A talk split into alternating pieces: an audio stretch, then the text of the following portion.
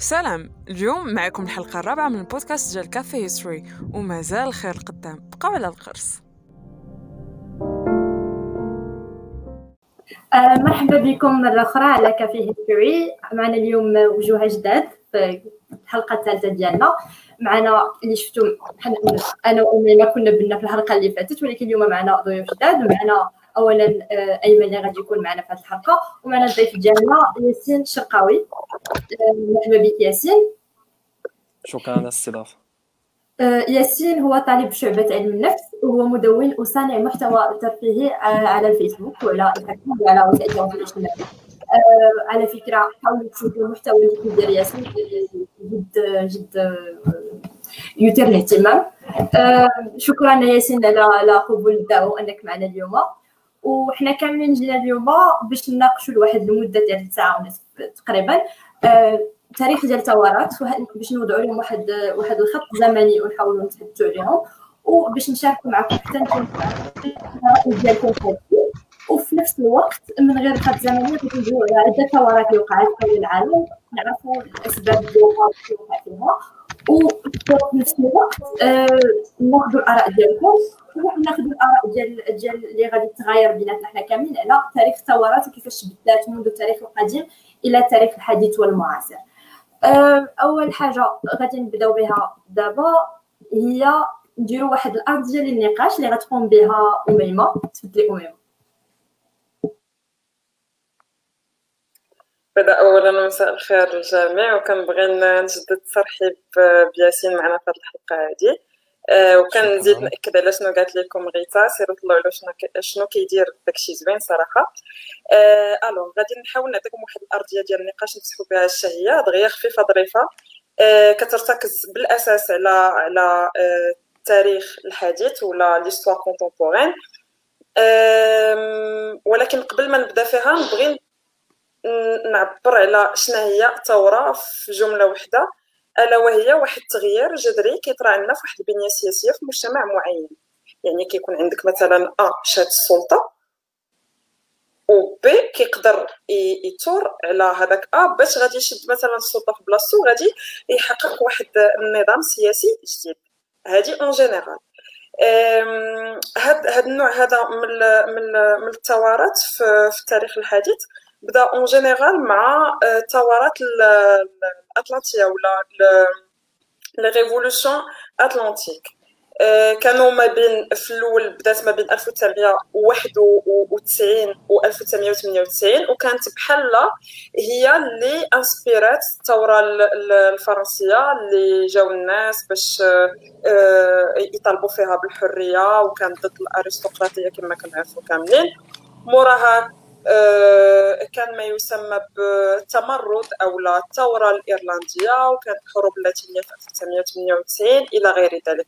في القرن 17 آه، ظهرت لنا فكرة جديدة اللي هي الفكرة ديال الليبرالية والوطنية أو ان صح التعبير القوميه يعني لو ناسيوناليزم. آه، اللي كان جا ضد الشمولية آنذاك. و... ومنين ناضوا هذا النوع هذا من الثورات اللي كي اللي كيحملوا هذه الفكرة هذه آه، نجات عليهم بيان سور نجو عليهم بزاف ديال القتلى و وتجهضات تجهضوا هذوك الثورات يعني بحال ناضت آه، ضدهم واحد الثوره اللي مضادة. واللي غادي نتكلموا عليها يمكن بعد بشكل مفصل أكثر. آه، من بعد في 1848 ماركس وانجلز كانوا نشروا الكتاب ديالهم Communist Manifesto اللي كانوا كيدعيو فيه العمال ديال العالم باش يتوحدوا. وهنايا كانت ظهرت واحد الفكرة اللي كتدعي لها بزاف وكتأيدها الاشتراكيه اللي هي آه، الثورة الدائمة. شنو كتعني الثورة الدائمة؟ بكل بساطة آه، هي واحد الموجات ديال الثورات اللي كتبقى كتظهر لنا في كل بلاصة وبشكل مستمر وما كتحبسش علاش هما جاو بهذه الفكرة هذه أه لحيتاش لاحظوا باللي إلا مثلا ملي كتنوض ثوره في بلاصة وحدة كيكون سهل أنه تجهض ولكن إلا ناضوا لنا بزاف ديال الثورات في عدة مناطق في العالم غادي يتشتت التركيز ديال الناس اللي هما في المواقع ديال السلطة وبالتالي غادي يكون أسهل على الناس أنهم يحققوا هذاك التغيير اللي باغينه من بعد هاد الثورات هادي انعكست لنا على ثورات وحدة أخرى أو لا آه، نقدروا نقولوا عادات لينا شعوب وحده أخرى حيت حتى الثورات كيمكن لها تعادى وحتى هي كتنتقل. شعب كيقدر ينسبيري شعب واحد آخر. أه تعكست لنا في الثورات اللي كانت كتسمى الثورات الدستورية اللي ظهرت في مثلا في أه في روسيا في في هذاك آه، في إيران إلى غير ذلك. آه، من بعد في 1917 كانت ثوره ديال أكتوبر في روسيا من أجل الاشتراكية وفي ألمانيا في 1918 هنغاريا إلى غير ذلك. من بعد الحرب العالمية الأولى فين كانوا معظم الدول الإمبريالية نوعا ما ضعفت بانوا واحد النوع ديال الثورات جديدة واللي هي ثورات اللي كطالب بالاستقلال ديال شعوب معينة ضد المستعمرين آه، ديالها بحال في إفريقيا الشرق الاوسط أمريكا اللاتينية إلى غير ذلك. وبلا ما نبقى كندخل في بزاف ديال التفاصيل نبغي نضيف حاجة واحدة هي أنه آه، في التسعينات بزاف ديال الثورات ما يمكن ما كتبش ليهم كاع حتى أنهم يبانوا أو لا كانت غير مجرد انتفاضات اللي قصيرة بزاف وما قدرتش تبان علاش بسبب الأنظمة النوع ديال الأنظمة الجديدة اللي بانت شنو هي النوع هذه ديال الأنظمة الجديدة اللي بانت؟ هي أنظمة اللي كتكون غير ديمقراطية bien sûr ولكن كيكونوا عندها الصفات ديال أنظمة ديمقراطية. كتلقى عندها واحد bon على حسب التعريف ديال الديمقراطية. كتلقى عندها واحد التعدد حزبي كتلقى باللي كتبين لك على أنه عندها واحد الحرية ديال الصحافة إلى غير ذلك. ولكن هي في الواقع هذاك مجرد غطاء اللي ماشي صحيح. التعدد حزبي أو لا حرية بواحد الشكل ديال ديال التعبير عن الصحافة إلى غير ذلك لا تعني بالأساس أنه راه كاينة ديمقراطيه وبالتالي كانت تأثرت وما خلاتش لنا يظهر ما يسمى الموجة الثالثة أو لا third wave of revolutions. المهم السؤال اللي كي اللي اللي اتحدوا عليه بزاف ديال الباحثين في هذه المواضيع هذه اللي هو علاش كانت كتنتشر هاد الثورات هذه ولقاو باللي le mot-clé الوحيد اللي كيجمع ما بيناتهم هو la communication مثلا منين كانت الثورة الأطلنطية اللي هي في واحد القارة واحدة أخرى وداس القارة الأوروبية كانت هذيك الساعة دازت بالابحار هذاك الشيء هو اللي كان ديك الساعة. من بعد مثلا في الثورات اللي كانوا في آسيا كان الوسائل اللي كتخلي الناس يتواصلوا هما التليغراف هما الوسائل ديال التنقل الحديثه آنذاك. ديك الساعة كانت حديثه ومن بعد بان التلفازه بان التليفون اللي ولا كيخلي المناضلين أو لا أو لا الناس اللي كيفكروا في أنهم يديروا ثورة آه، كي آه، كي كيكولابوريو بيناتهم. وآخرهم هو الإنترنت واللي كان عنده تأثير مثلا قوي في ال في ال هذاك ال Arab Spring أو ما يسمى الربيع الديمقراطي. ونخلي لكم دابا الكلمة ونبداو النقاش ديالنا. شكرا أميمة على على النقاش اللي على الارضيه ديال النقاش اللي بديتي علينا دابا بهذه المعلومات القيمة. آه، أنت حاولتي شيئا ما أنك فعلا تعطينا واحد واحد timeline بالزربه بعجاله على على بزاف اللي وقعت والحاجة اللي استنتجتها من الحوايج اللي قلتي دابا هو أننا كنشوفوا مع الوقت. كتختلف أسباب الثورات وكيختلفوا معاها بحال كتطور وهذا هو كان هو سبب النقاش ديالنا اليوم على الثورات أننا بغينا نشوفوا كيف تتطور الثورات مع الوقت. Evolution of revolutions. وكيفاش كيفاش مع الوقت كيوليو لأسباب أخرى وكيوليو كيداروا باش يتحققوا منهم يتحقق منهم مراد آخر من غير المراد اللي كان كان كان قبل. هنايا غنبغي إلى عندكم ياسين ولا أيمن أي تدخل. sinon نمشيو لتعريف الثورات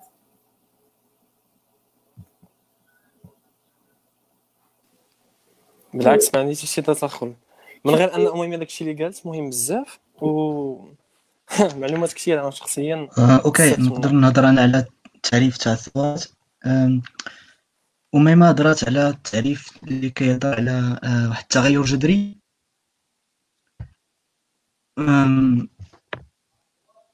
كاين اللي كي- كاين اللي كي اللي آه، كيشوف بلي هاد النوع تاع التعاريف آه، هو كي كيف نقول؟ آم، كيقتصر ولا تيخلي ما تيشوفش ما كيدرسش جميع آه، آه، كاع كاع الجهات تاع تاع الثوره يعني آه، بحال كيحصرها في في, واش هي successful ولا لا؟ وواش إلا كانت successful كي كي كيشوف واش هي نجحات فقط في واش حيدات واحد واحد آه، واحد النظام أو لا لا. بينما ما كيدرسش آه، الأسباب اللي اللي جات اللي جات منها أو أو شنو كي شنو آه، أو شنو طرا خ- خلال ديك الثورة؟ واش ما كيبانش لكم باللي خاص بال- خاص déjà خاصنا نشوفوا واحد التعريف جديد للثورة؟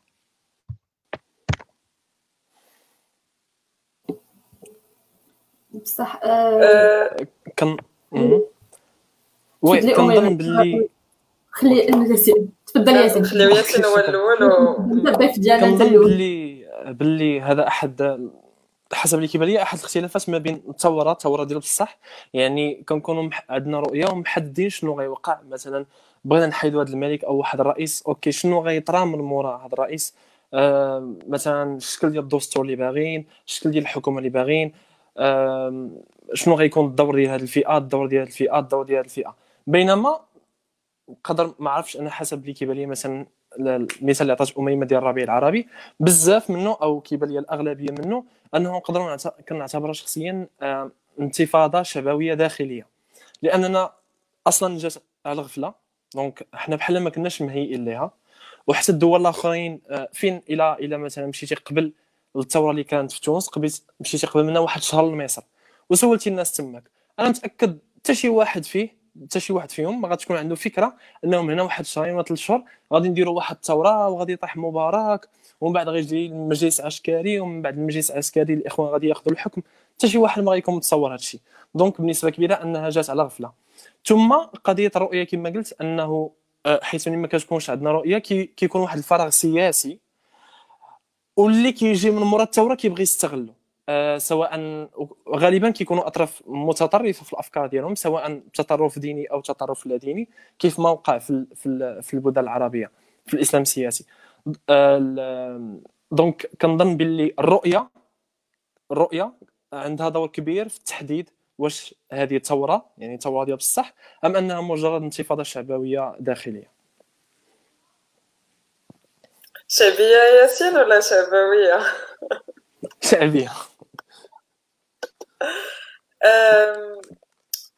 أنا أنا في الصراحة بغيت غير نعاود نرد على على السؤال ديال أيمن منين قال لنا واش ما كيبانش لكم باللي ربما خاصنا نعيدوا النظر في التعريف ديال الثورة؟ شخصيا ما كنشوفش المسألة هذه لحيتاش عندها واحد التعريف اللي جينيرال ويمكن تسقطوا على أي ثورة ثورة اللي هي كي كيوقع عندك واحد التغيير في موازين ديال القوى.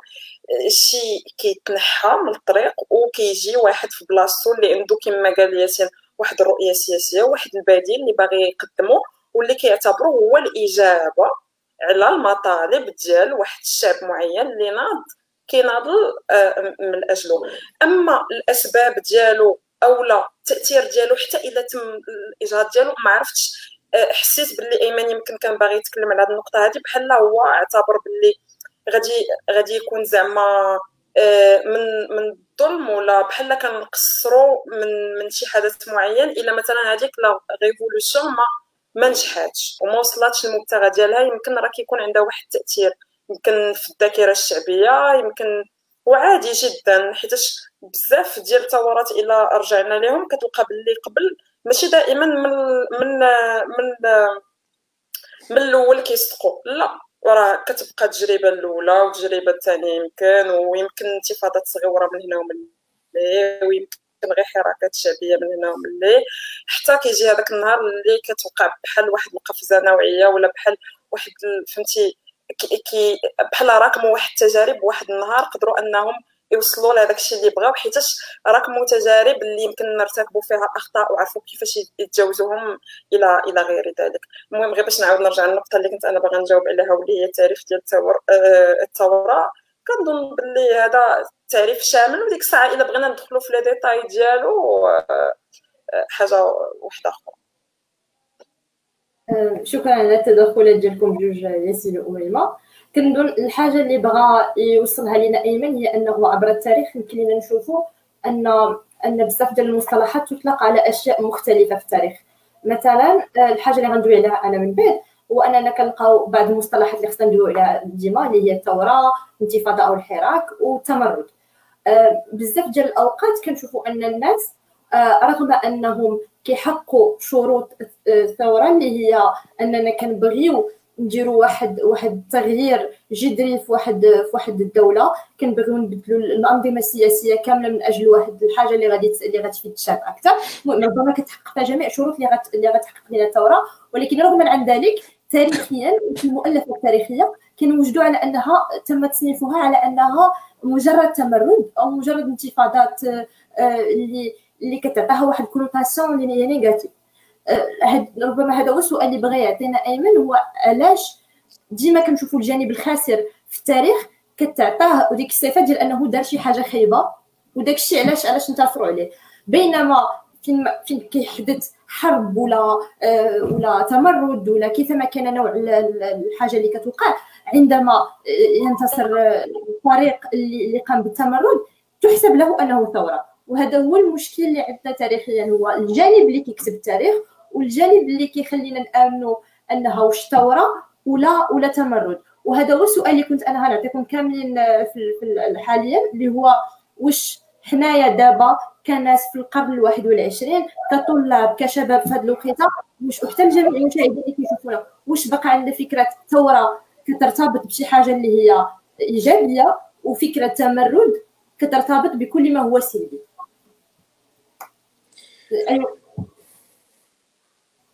يمكن أي واحد باغي سير انت الأول يلا OK thanks كنظن بعدا عندي أنا واحد النقطة اللي بغيت اللي بغيت ندخل بها هو قضية النسبية.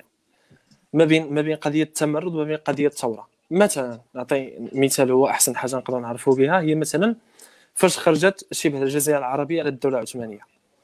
أي واحد دابا آه، عنده تعاطف مع الدولة العثمانية أو نقدر تركي أو المهم إلا مشينا ذاك الوقت لشي واحد في الدولة العثمانية غتسولو غيعتبر بلي هذا تمرد وبلي هو خروج على الشرعيه ديال الخليفة اللي كان في ذاك الوقت وداك الشيء.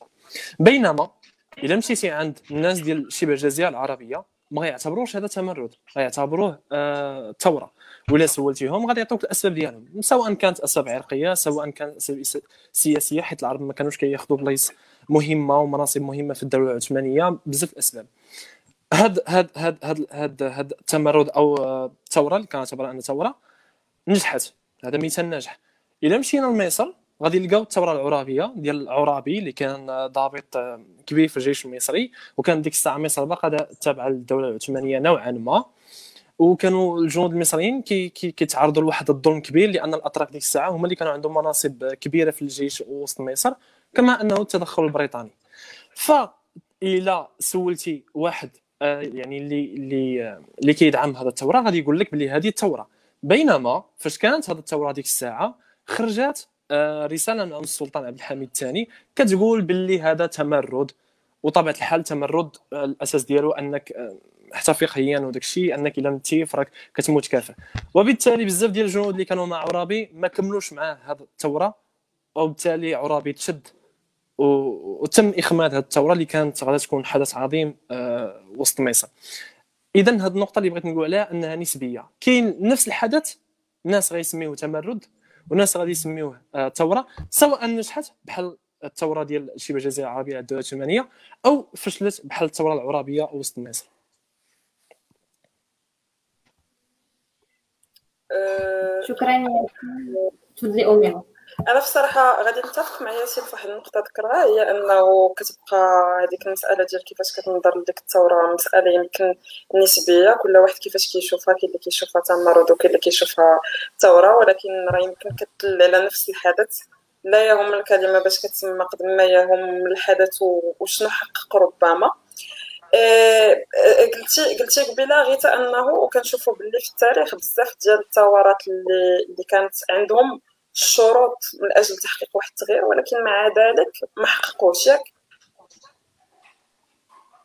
هادشي اللي قلت آه، رغم أنهم كان عندهم شروط لتحقيق الثورة ورغم أن الثورة ملي ما كتنجحش لهم وما كيحققوش المطالب ديالهم كيتسموا متمردين في, الروايات التاريخية.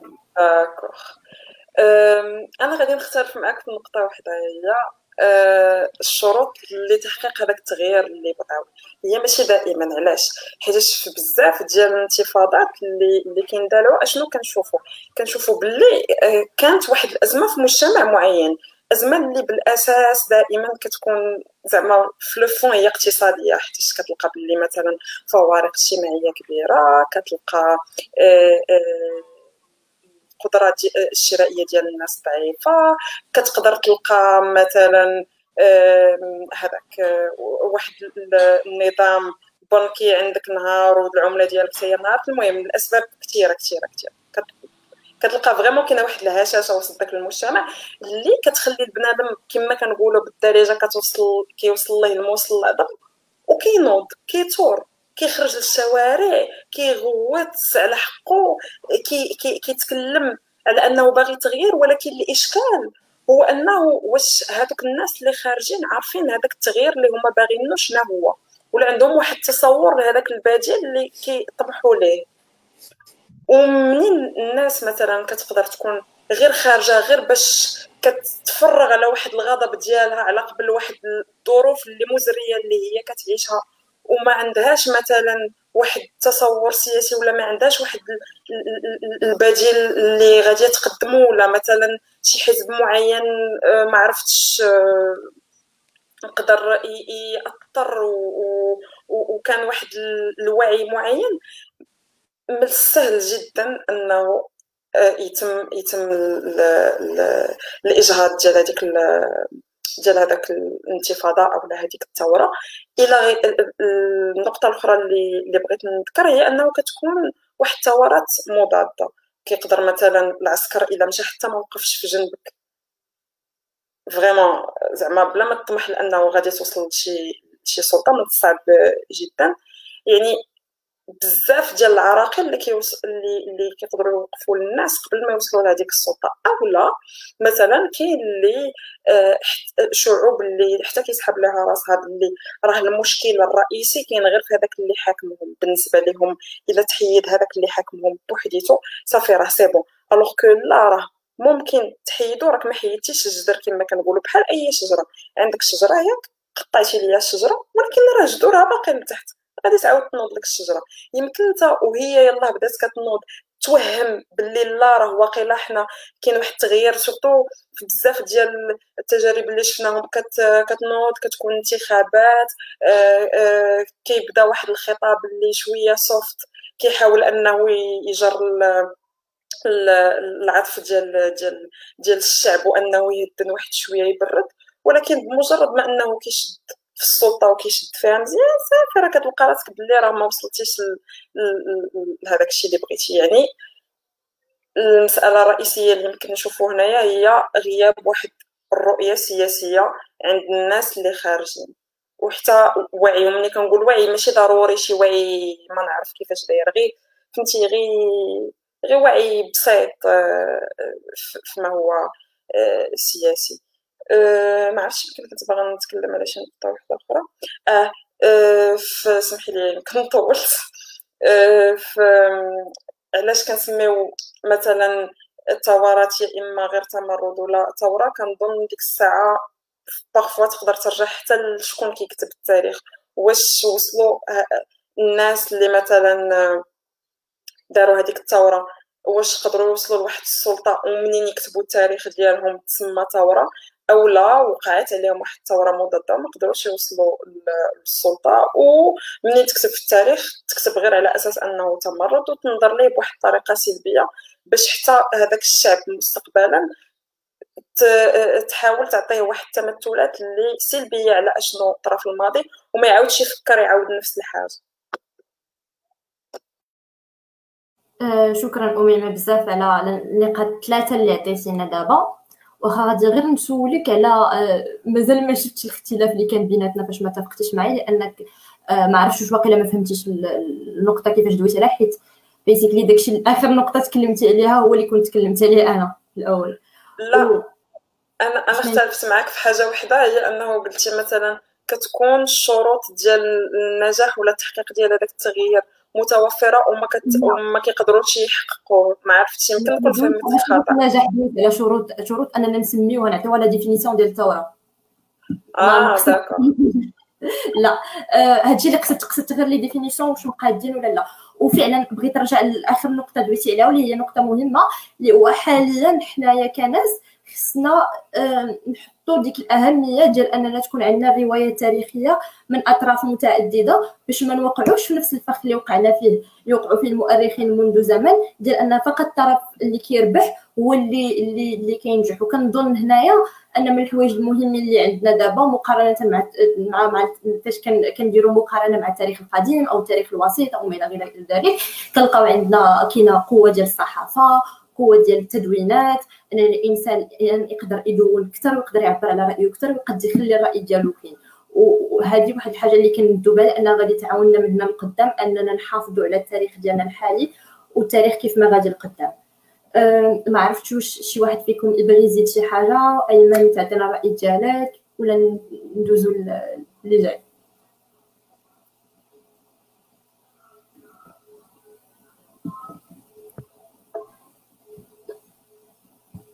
التساؤل فقط اللي عندي هو واش واش يمكن؟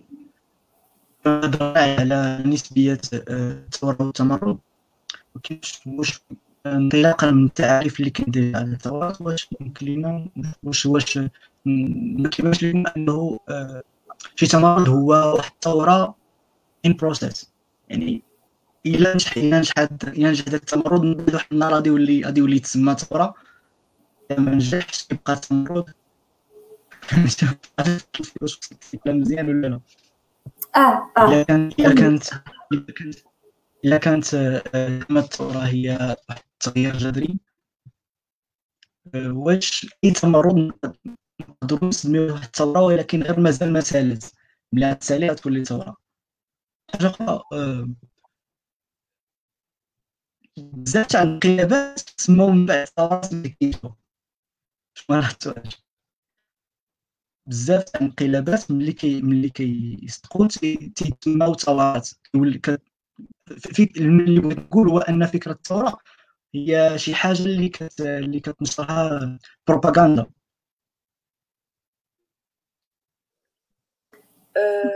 شكرا أيمن على التدخل بصح هذه من الأفكار اللي ممكن نناقشوها. واش كلمة ثوره لأننا درنا دابا ديك القضية ديال انها بصح عندها واحد واحد ال connotation positive عكس التمرد. واش بصح عندها علاقة بالبروباغندا اللي كتخرجها شي شي شي دولة ملي كينجح ليها الانقلاب ديالها وملي كيولي الانقلاب كيولي كتولي السلطة في يد واحد واحد النظام جديد واللي كي كيمجد ما, ما كنا غنسميوه تمرد قبل. بسبب النجاح ديالو يسمى ثوره وكيعطيها واحد التبجيل وواحد التعبير. إلا كان ممكن بغيت غير ندير واحد المداخلة. واخا. آه، أنا ما كنتش كنسمع أيمن مزيان ولكن تلقفت شي لعيبات قالهم. الأولى هي ذكر واحد الحاجة سماها هو revolution in process بحال قلتي. غير واحد واحد الثورة راها جاية في الطريق بحال حنا رحنا غاديين لها ياك هادشي اللي أنا فهمت من الهضرة ديالو بحال راه دابا تمرد ويمكن الناس راه خدامين عليها بشوية بشوية حتى غادي يوصلوا لهذيك السلطة. أه بغيت غير نشارك معكم واحد المسألة أنه أه في المغرب كاين كاين ناس اللي نظروا هذه المسألة هذه من بينهم أه أحد الأحزاب اليسارية بالمغرب. واللي تكلم على السيرورات ديال الثورات واللي وصف بها شنو طرا عندنا في المنطقة ديال شمال إفريقيا وديال الشرق الأوسط مينا ريجن حيتاش بزاف ديال الناس نظروا للربيع العربي أو الربيع الديمقراطي على أساس أنه هذيك ماشي ثورات هذيك غير انتفاضات شعبية وفقط. ودابا c'est bon حبسات وما كاين حتى شي حاجة. ولكن كاين الناس اللي نضروا لها نضروا لها على أساس أنها صيروره ديال ديال الثورات علاش؟ لحيتاش كتبان لك بلي هذيك الأزمة اللي يمكن كانت هي المسبب الرئيسي ديال هذاك الانتفاضات النهار الأول راه باقا قائمة باقا كاينة باقي كاين واحد الاحتقان شعبي اللي يمكن إلا بقى غادي كيزيد كيت aggrava واحد النهار غادي تعاود تجي واحد انتفاضة أخرى. إلى يوم أنه تحقق هذيك الثورة. donc بحال سيرورة ديال الثورات وأنا زعما كنتفق مع ايمن وغير بغيت نعطيه مثال بهاد النقطة هذه النقطة الثانية اللي كنت باغا ندخل فيها نسيتها وشكرا. نقدروا نعطيو الكلمة لياسين حتى شكرا ناخذ نعطيو الكلمة لياسين حتى تفكري ورجعوا الاميمه أوكي بعدا أول حاجة متفق مع ايمن بزاف. في قضية أن بزاف ديال الانقلابات تسموا ثورات وبزاف ديال الثورات كانت بروباغندا. بالنسبة لي أنا مثلا آه، كوبا داكشي اللي طرا ديال فيدل كاسترو ما ما ترتب عنه. من بعد ما كيمثلش لي أنا ثوره فين هو الأثر ديال الثوره أنا شنو اختلفتي انت على اللي كان قبل منك؟ هذا مثال. الحاجة الثانية المثال الثاني مثلا آه، مصر. فاش جمال عبد الناصر ومحمد نجيب واللي معاه داروا آه، كنظن سنة 1953 اللي كاين اللي كيسميه ثوره كاين اللي كيسميه انقلاب ولكن كنظن بلي الأهم آه أنني مثلا نقلب على واش هذا ثوره وهذا انقلاب وباش نقدر نعرفها أصلا هو شنو طرا من بعد. يعني في مصر مثلا كان عندي الملك فؤاد. OK واحد اللي شاد السلطة؟ ما كاينش ديمقراطية ما كاينش حياة سياسية بصح. آه فاللي طرا هو أنه جاو واحد الضباط آه انقلبوا عليه خرجوه من مصر وشدوه من الحكم. في الأول شدا محمد نجيب اللي اللي إنسان رائع مثقف عنده رؤية ديمقراطية لمصر كان باغي vraiment يرسل الديمقراطيه في ديك البلاد. لكن عندنا المنافس ديالو جمال عبد الناصر. أنا مثلا كون شفت أنا محمد نجيب هو اللي شد الحكم ومن بعد مصر عاشت واحد الرفاهية في الحياة السياسية ديالها وعرفت واحد الديمقراطية وواحد الإصلاح. donc ماشي مشكل. واخا الجيش هو اللي انقلب نقدر نقول بالنسبة أن لي أنا هي ثوره ولكن بما أنه من بعد شدا واحد السيد اللي سميتو جمال عبد الناصر اللي هو في الجيش واللي هو ديكتاتوري واللي دوز على الشعب ديالو على بزاف ديال الأطراف المعارضة ديالو منهم محمد نجيب اللي انقلب عليه واللي من بعد شدو في الإقامة الجبرية 30 عام. donc شنو فرقتي انت على على على النظام اللي قبل؟ بل بالعكس جمال عبد الناصر كنظن كان أسوأ بكثير من آه، الملك فؤاد. donc كنظن آه، بلي النقطة المهمة هي شنو طرا من بعد ديك النقطة ديال التحول سواء كان ثوره تمرد أو انقلاب شكرا على التدخل ياسين. ما عرفتش أميمة واش تذكرتي النقطة اللي كنتي غدوي عليها ولا مازال؟ آه تذكرتها وعاود رجع عليها ياسين. ودابا بغيت غير نقول فيها شي حاجة. آه دوا على على الانقلاب وقال على إنه زعما آه كيقدر نشوفوا واش ثوره ولا ماشي ثوره على حسب دوك النتائج اللي ادى لهم هي أنا نبغي نضيف غير واحد المسألة ماشي ضروري غير النتائج اللي ادى لهم وإنما آه، الثورة ما نقدروش نطبقوها على انقلاب علاش؟ حيت الانقلاب normalement كيدار من طرف العسكر والعسكر هو أصلا كاين في ديك الدائرة ديال السلطة. يعني إذا كان شي حد مثلا تمرد على واحد آخر هو من الدائرة ديال السلطة وتمرد عليه وخذا الحكم في بلاصتو ما يمكنش لنا نشوفوها لا أظن أنه آه، نقدروا نشوفوها ثوره حيت أصلا الثوره خص يكون واحد الانقلاب في ديك الموازين ديال القوى. هو أصلا العسكر راه كاين في موقع ديال السلطة ماشي ما كاينش. غير يمكن تمرد على واحد آخر باش خدا ليه السلطة من ايديه آه هذا هذا هو هذه النقطة اللي بغيت نتكلم عليها. شكرا أميمة. أه، بغيت نسولكم إلا باغي شي واحد يزيد أي فكرة دابا قبل ما ننتقلوا أننا نتكلموا على بعض الثورات ناخذوا ال timeline ديالنا الخط الزمني ديال الثورات ومن بعد فين غادي نسمعوا الأسئلة ديال ديال المشاهدين؟ وي شي واحد عنده شي تدخل. كنظن أن ما عندناش تدخلات غنبدأ مع بعض الثورات اللي طراو في لي غنبدا الثورات اللي اللي حدثوا في التاريخ القديم و اللي باش الحاجة الهدف ديال أننا نديروا واحد الخط زمني دابا الثورات حنا كاملين هو أننا نتكلموا على الثورات اللي حدثت في مواقع مختلفة من التاريخ ونشوفوا الظروف اللي كتجي فيها ثوره الحوايج اللي اللي كتجي بهم الثوره شنو كتبغي تحقق ديك الثوره واش كتنجح ولا لا. غادي نتكلم على ثلاثة ثورات اللي دازوا في التاريخ اللي غيكونوا بواحد الوضع كرونولوجي. غنبداو بثوره العبيد الثالثة اللي كانت في روما ثم ثوره اليهود ثم ثوره ديال العصر الوسيط اللي كتسمى بالجاكيه هاد الثورات كاملين بثلاثة اللي غادي ندوي عليهم باءوا بالفشل في الأخير. وكنتمنى أنني فاش غنكون كندوي فيهم تقدروا حتى نتوما تحسوا علاش علاش باءوا بالفشل. ومن خلال الثورات اللي غيتكلموا مع فيهم الضيف ديالنا ياسين والأصدقاء أميمة وأيمن. يمكن لنا حتى نديروا واحد الفروق بين الظروف اللي جاو فيهم هاد وعلاش هادو نجحوا وحدين علاش هادو فشلوا وحدين أخرين نجحوا. donc أول ثوره اللي غادي يكونوا عارفينها الناس دابا بأنها ثوره ديال سبارتاكوس لحقاش سبارتاكوس خدا واحد واحد وجه كبير في الإعلام لأنه داروا لي أفلام ومسلسلات الثوره ديال العبيد مشهورة حاليا لانها كدوز بزاف في الميديا. donc شنو شنو العلاقة ديالها؟ في روما العالم شهد واحدة من اوائل الثورات في التاريخ المدون. donc واحدة من الثورات اللي, اللي تدونوا في التاريخ واللي هي حرب العبيد. واللي من الأشهر ديالها هاد الثورة ديال ديال دابا هاد حرب العبيد كانت دازت على بزاف ديال على بزاف ديال ديال ديال الأوقات. كانت حرب العبيد الأولى الثانية والثالثة. هاد الثورة هذه كتسمى بثوره الجلاديتور آه وهي ثورة العبيد الثالثة. اللي كانت ما بين 73 و 71 قبل الميلاد وكانت الأهم لأنها كانت أكثر تهديدا للجمهورية الرومانية. آه القوى العسكرية لروما آنذاك كانت عاجزة أمام العبيد. آه وهذه الحرب اللي بدات بقرابة 70 جلاديتور أو العبيد اللي كانوا كيخدموا في الأرينا. كانوا هربوا من واحد المنطقة أو مقاطعة كتسمى كابوا في ايطاليا وتمكنوا من هزيمه القوات الرومانية اللي ترسلات باش تحاول تردعهم. خلال سنتين ديال الثوره قدرات هاد الثورة تستقطب ما يقارب 120 ألف مقاتل من العبيد اللي فيهم النساء والأطفال والرجال. كانت القوة الجسدية ديالهم كبيرة لأنهم كانوا كيتدربوا في أكاديميات للحروب وقدرت تغلب على عساكر وفيالق روما اللي كانت مشهورة بالقوة ديالها انذاك تاريخيا لا يمكننا جزم شنو كانوا الثوار بغاو يديروا بهذه القوة الكبيرة اللي جمعوها لأن المؤرخين مازالين لحد الآن كيحاولوا يرجعوا في المدونات التاريخية باش يعرفوا أشنو فاش تجمعت هذه القوة الهائلة كاملة شنو كانوا الثوار باغيين يديروا.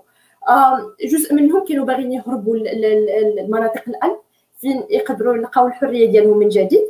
والبعض منهم في الحقيقة كان عجباتو الحياة ديال ديال ينظموا فيها الغارات وينهبوا ويسرقوا وكانوا بغاو يبقاو في إيطاليا باش يقوموا بهذا الشيء هذا الشيء حسب المؤرخ بلوتارك.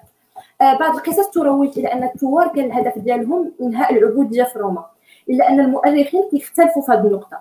آه كترجع آه تسميتهم بزاف المرات إلى أنهم متمردين وأن بعض الأفعال التي قاموا بها بنفسهم لا تدل بتاتا تاريخيا على أن الهدف ديالهم كان هو إنهاء العبوديه لأنهم براسهم كانوا كانوا كيقوموا بأشياء اللي ما كتبينش أنهم باغيين يغيروا النظام الجمهوري اللي كان في روما آنذاك جبريل. وبالتالي ملي كنبغيو نشوفوا الثورة ديال ديال العبيد الثالثة ديال روما ما كيبانوش لينا فيها les définitions ديال ديال ديال الثورة وإنما كنشوفوا أنها مجرد تمرد ديال واحد الناس اللي اللي عاشوا واحد الظروف قاسية كعبيد وخصوصا عبيد اللي كيتدربوا باش يتقاتلوا فيما بينهم واللي كيعيشوا في ظروف قاصحه بزاف. donc كنشوفوا أنه واحد ربما واحد الموجة ديال الغضب اللي اللي خلاتهم أنهم يثوروا و وأنهم يا إما غتكون عندهم نية ديال الهرب ويهربوا من روما فين يلقاو الحرية ديالهم آه على سبيل المثال سبارتاكوس براسو لأنه كان بغى بغى يهرب يمشي لأوروبا الشرقية في كان الأصل ديالو ولكن كان هناك قياد اخرون للعبيد اللي كانت النيه ديالهم أنهم يبقاو في إيطاليا ويكملوا النهب. بطبيعة الحال الثورة في الأخير تم ردعها وأرجع الاستقرار لروما. الثورة الثانية اللي بغيت نتكلم عليها هي ثورة اليهود اللي كانت في بدايات الألفية الأولى. واللي اللي حدثت في منطقة يهودا اللي اللي كنعرفوها الآن ربما فلسطين وهي الأرض القديمة ديال كنعان. روما من بعد ما اصبحت إمبراطورية وبعد أن الوصول ديالها وجه وصل حتى للشرق والمنطقة يهودا فين كانوا اليهود. آه بدات واحد الثورة ديال اليهود اللي بدات بسبب أن اليهود ما قدروش يبقاو يدفعوا الضرائب بزاف لروما. كانوا كانوا منهكين بكثره الضرائب وكانوا بداو كيرفضوا أنهم يدفعوا الضرائب وبداو كيعتديوا على المواطنين الرومانيين اللي كانوا تما باش يوصلوا الرسالة ديالهم اللي كانت أنهم ما راضيينش على الوضعية ديالهم خصوصا أن الملك اللي وضعته روما آنذاك كملك لليهود اللي هي السلالة اللي كانوا من السلالة الهيرودية. آه، كان تابع الإمبراطورية الرومانية وكيخدم مصالح آه، الإمبراطورية الرومانية قبل ما يخدم مصالح الشعب. كان ملك مستبد ظالم واللي بسبب ديالو الأوضاع الاقتصادية آه، لليهود كانت متدهورة وكانت في الحضيض الثورة حدات ما بين 66 و 73 ميلادية. في البداية ديال الثورة قدروا اليهود يطردوا الرومان والملك اللي كانوا واضعينه آنذاك اللي هو هيرود اغريبا الثاني من القدس. يعني أنهم استولوا على على القدس واستولوا على المكان اللي كان فيهم اللي كان فيه اللي كان مقدس بالنسبة لهم. الإمبراطور نيرو ديال ديال روما آنذاك سمع بالثوره ديال اليهود ووصى على إنهاء الثوره وبطبيعة الحال كانت كانت الإمبراطورية الرومانية من أقوى الإمبراطوريات اللي, اللي عرفها التاريخ ورسلت التعزيزات ديالها. وبهذا السبب سقطت القدس في يد روما مرة أخرى في 70 بعد الميلاد. ومعبد اليهود اللي كانوا حاطينه تما واللي كان في القدس تدمر حرقا.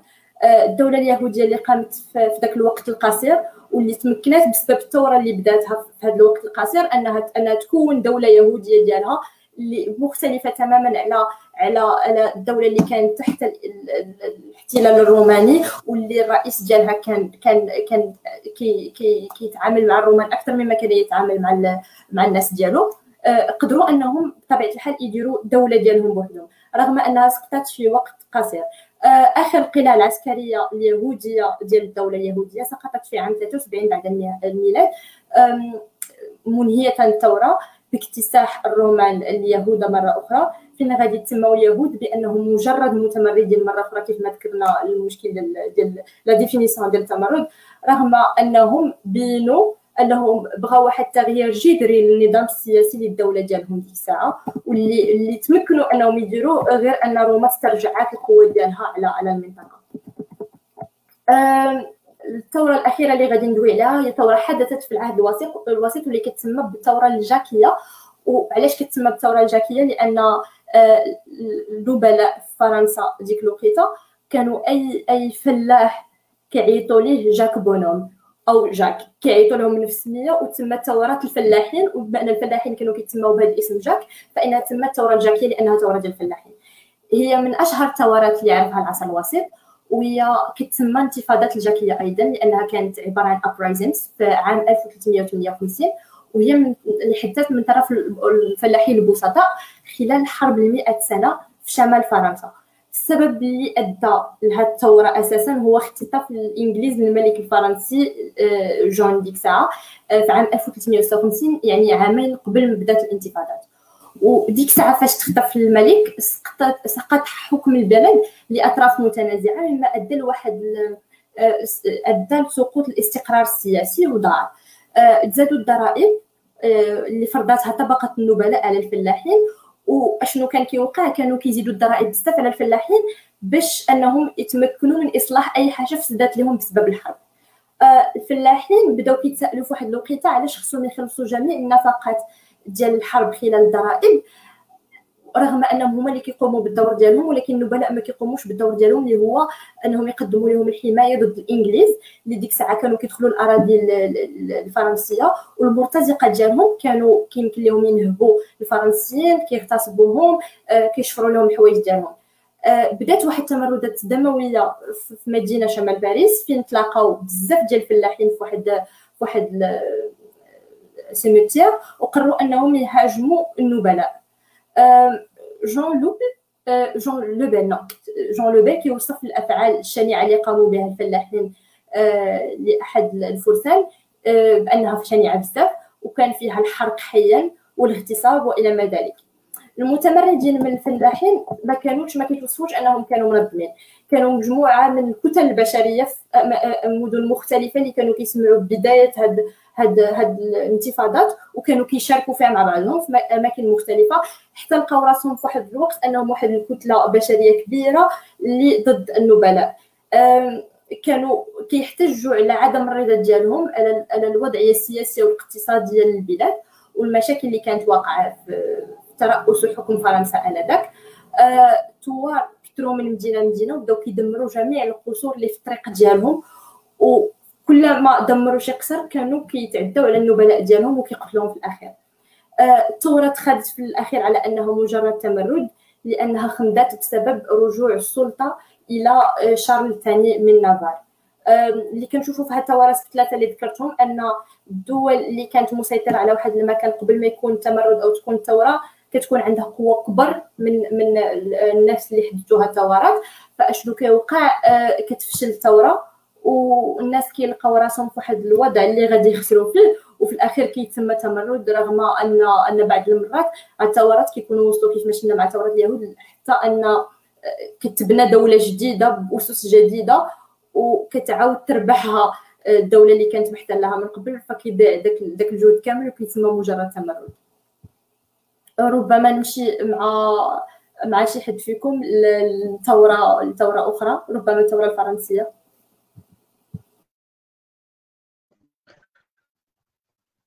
واقع. الثورة الفرنسية اللي نشوفوها بزاف مثال على على شي ثورة اللي ناجحه جدا. هي بدات الأسباب الأساس الأولى ديالها هي أنه فرنسا كانت كانت تدخلات بزاف في الثورة الامريكيه وبالتالي حطت الملك تاع فرنسا حط بزاف تاع فلوس بزاف كلا بزاف قضيه تاع الدولة باش باش يساهم في الثورة الأمريكية ضد الإنجليز. الثورة الأمريكية فرنسا الخزينه تاعها كانت ولات تفرضوا ضرائب غاليين على الشعب. بينما طبقات تاع النبلاء وتاع رجال الدين ما كيخلصوهاش أو ما تيخلصوها تيخلصوها شوية. ف بينما في هذه الطبقة الثالثة الطبقة الثالثة اللي كتمثل الناس اللي ماشي نبلاء رجال الدين اللي كتمثل 98 من السكان. قدمات واحد الع... واحد الطلب أو طلب مطالبة. ف كنسميو هو؟ بحال شي برلمان أو كان تيجمعوا فيه تيتسمى لي زيتا جينيرال. تيجمع فيه الملك تاع فرنسا مع ممثلين عن هاد الطبقات الثلاثه فطالبوا بانه آه، تولي يولوا ضرائب متساويين هادشي الطلب بطبيعة الحال كان كان معارض. وهادشي شوية لأن لأنه بداو يبانوا واحد التمردات آه، واحد عمل شغل اللي غادي بطبيعة الحال غادي يتواجهوا بالعسكر وبالقمع شنو غادي يديروا الشعب؟ غادي يتجمع وغادي أول حاجة غادي يديرها هي أنه غادي يمشي يسير لاباستي غادي يجمع عليه غادي يحلو. غادي غادي يخرجوا السجناء غادي ياخذوا آه، الذخيرة أو داكشي. يعني يعني وهذا الحدث هو اللي تسمى هو اللي معروف في عدوان فرنسا في 14 يوليو المهم اللي بغيت نوصل هو أنه آه، هي مثال الثوره هي مثال الثورة ناجحة ولكن كيفاش بزاف تعرفوا أو بغيت نقول تيختلفوا في كيفاش هي ناجحة. كاين اللي كيشوف أنها هي ناجحة فقط لانها سالات سالات الملكيه كاين اللي كيشوف بالعكس ناجحة لحقاش في سالات باش بونابرت كيولي ملك ف واصلا واش واش واخا واخا بقاش ملك ملي قامت الجمهوريه كان كانوا بزاف تاع القمع بزاف تاع تاع تاع تاع الاختلاف ناس روبيسبير كان كان طاغية. ف فكاين بزاف كيشوف المؤرخين كيشوفوا انها أنها بالعكس ماشي النجاح تاعها ما كيقتصرش فقط على أنها على واش على واش حيدنا الريجيم اللي كان قبل النظام الملكي ولا لا.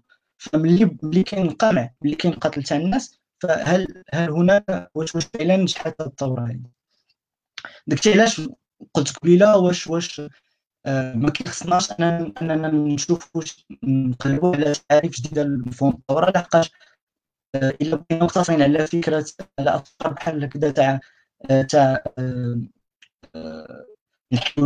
النظام اللي كان قبل أو لا واش واش يعني أنا ولا ما هادشي امثله جديدة اللي نقدروا ندرسوها أكثر.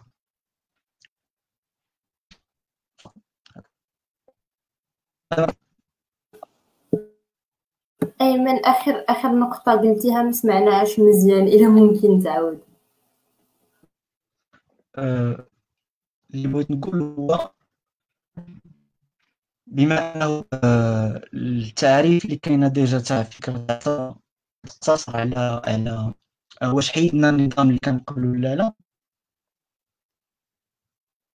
آه، وبالثوره الفرنسية مثلا آه، واخا حيدات النظام الملكي بقى بقى بقى الظلم تاع الظلم تاع روبيسبير par مثلا. هنا كنرجع لديك الفكرة اللي الأول تاع واش ما واش ما كتشوفوش بلي فعلا خاصنا نعاودو نعرفو الثوره آه، لأنه آه، التعاريف اللي كاينة تقتصر على آه، نحيدو جزئيا النظام اللي كاين. هي التعاريف اللي اللي إلا خصنا نشوفو خصنا نبحثو على تعاريف أخرى اللي غتعطينا أمثلة آخرين اللي اللي نحلوهم أحسن. لحقاش انفاق بالنسبة للثوره الفرنسيه كاين اختلاف واش واش نجحات ولا لا. لحقاش لحقاش هاي إحنا حيدنا لويس السادس عشر وقطعنا ليه راسو هو ومرته واش صافي لحقاش بقى من بعد بقات بقات بقات ديكتاتوريا فرنسا بقى جنب جنب روبيسبير جنب بعد ناس أخرين بونابرت الملكية. حيدنا بونابرت جا جا آه، ولات جمهورية أخرى. من بعد جمهوريات أخرين. عاوتاني حفيت بونابرت ودار عاوتاني جمهورية أخرى آه، دار ملكية أخرى جديدة.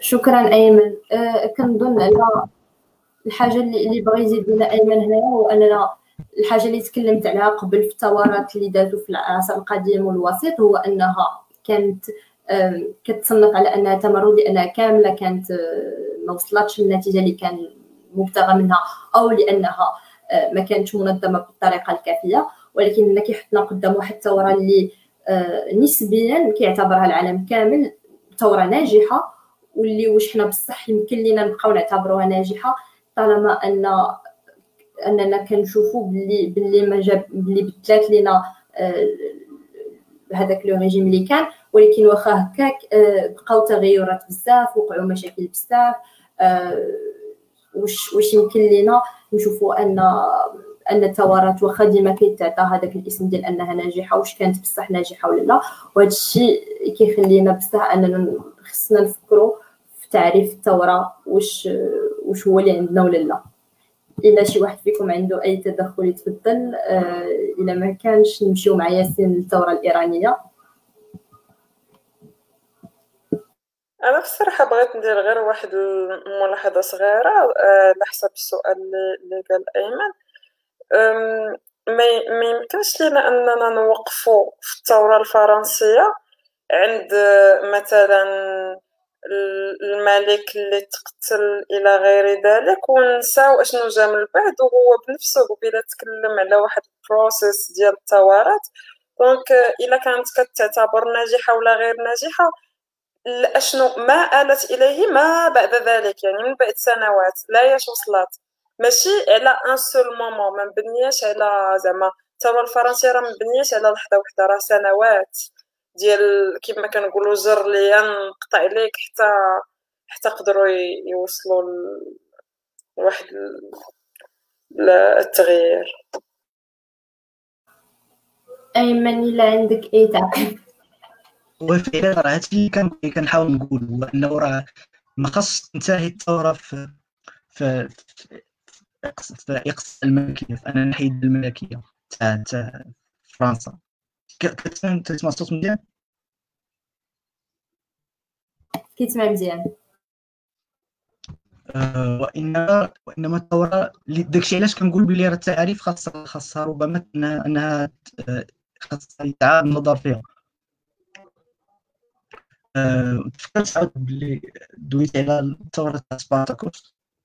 فهمت مزيان هي واحد إلا فهمت مزيان فهي كانت كانت آه، ربما تمرد تاع مجموعة تاع ديال العبيد واش واش فعلا نقدروا نسميوها ثوره بصح يمكن ما تسميهاش ثوره علاش؟ لحقاش تاريخيا هي تصنف ثوره ملي كتبحث عليها كتلقاها باسم ثوره واللي اللي حصلت عليها من من, من المؤرخ بلوتار هادشي اللي خلاني بالضبط علاش غنتسائل علاش واش واش داك le terme ديال الثوره تبدل من وقت لوقت. وهذا هو السؤال ديالنا اليوم. لأننا فاش كنجيو نشوفوا الثوره ديال سبارتاكوس ولا الثوره ديال ديال العبيد آه، القدامى في العصر القديم آه، الحاجة اللي كنلقاو هو أنه ما كانوش منظمين بنفس الطريقة اللي كانوا منظمين بها الثورات اللي كنشوفوهم حاليا واللي ممكن نشوفوها في الثوره الفرنسية ولا الثوره البولشوفية. المشكل الآخر اللي كان هو أن الثوار ما كانوش باغيين يديروا واحد التغيير جذري في الدولة ما كانوش بغاو ينهيو آه، العبودية ويديروا تغيير اجتماعي ما كانش عندهم هذا الهدف الآخر لأنهم كانوا فقط كيبحثوا على الحرية ديالهم وكانوا فقط كيحاولوا يستردوا شي حاجة كان واحد التعبير على الغضب ديالهم من داك اللي كان واقع لهم. ولكن اللي كنشوفوه هو أن ربما ما انطبقش عليهم la définition ديال الثورة. وربما أننا واخا باقي كنصنفوهم تاريخيا ثورات. لحد الآن آه، كيفاش كنعرفوا الآن الثوره ما غاديش نطبق على ديك الثوره ديال العبيد. وفي نفس الوقت إلا جينا نشوفوا الثوره من المنطلق ديال plus tard ما غتكونش هي نفس التعريف ديال الثوره اللي عندنا حنا دابا. وهذه حاجة اللي عاوتاني غنرجعوا لها وهي النسبيه ديال ديال ديال التعاريف ديال ديال الكلمات عبر التاريخ. وهذا هو الحاجة اللي بغينا اللي بغينا نوصلوا لها اليوم. وبالطبع حتى لي ديفينيسيون انهم أنهم حصل لهم واحد التطور عبر التاريخ. ما عرفتش واش واش جاوبت على السؤال ولا نعم. شكرا. ربما دابا إلا ما بقى شي تساؤل ندوزو مع ياسين تكلم لنا على الثورة الإيرانية اللي هي وحدة من الثورات جداد نسبيا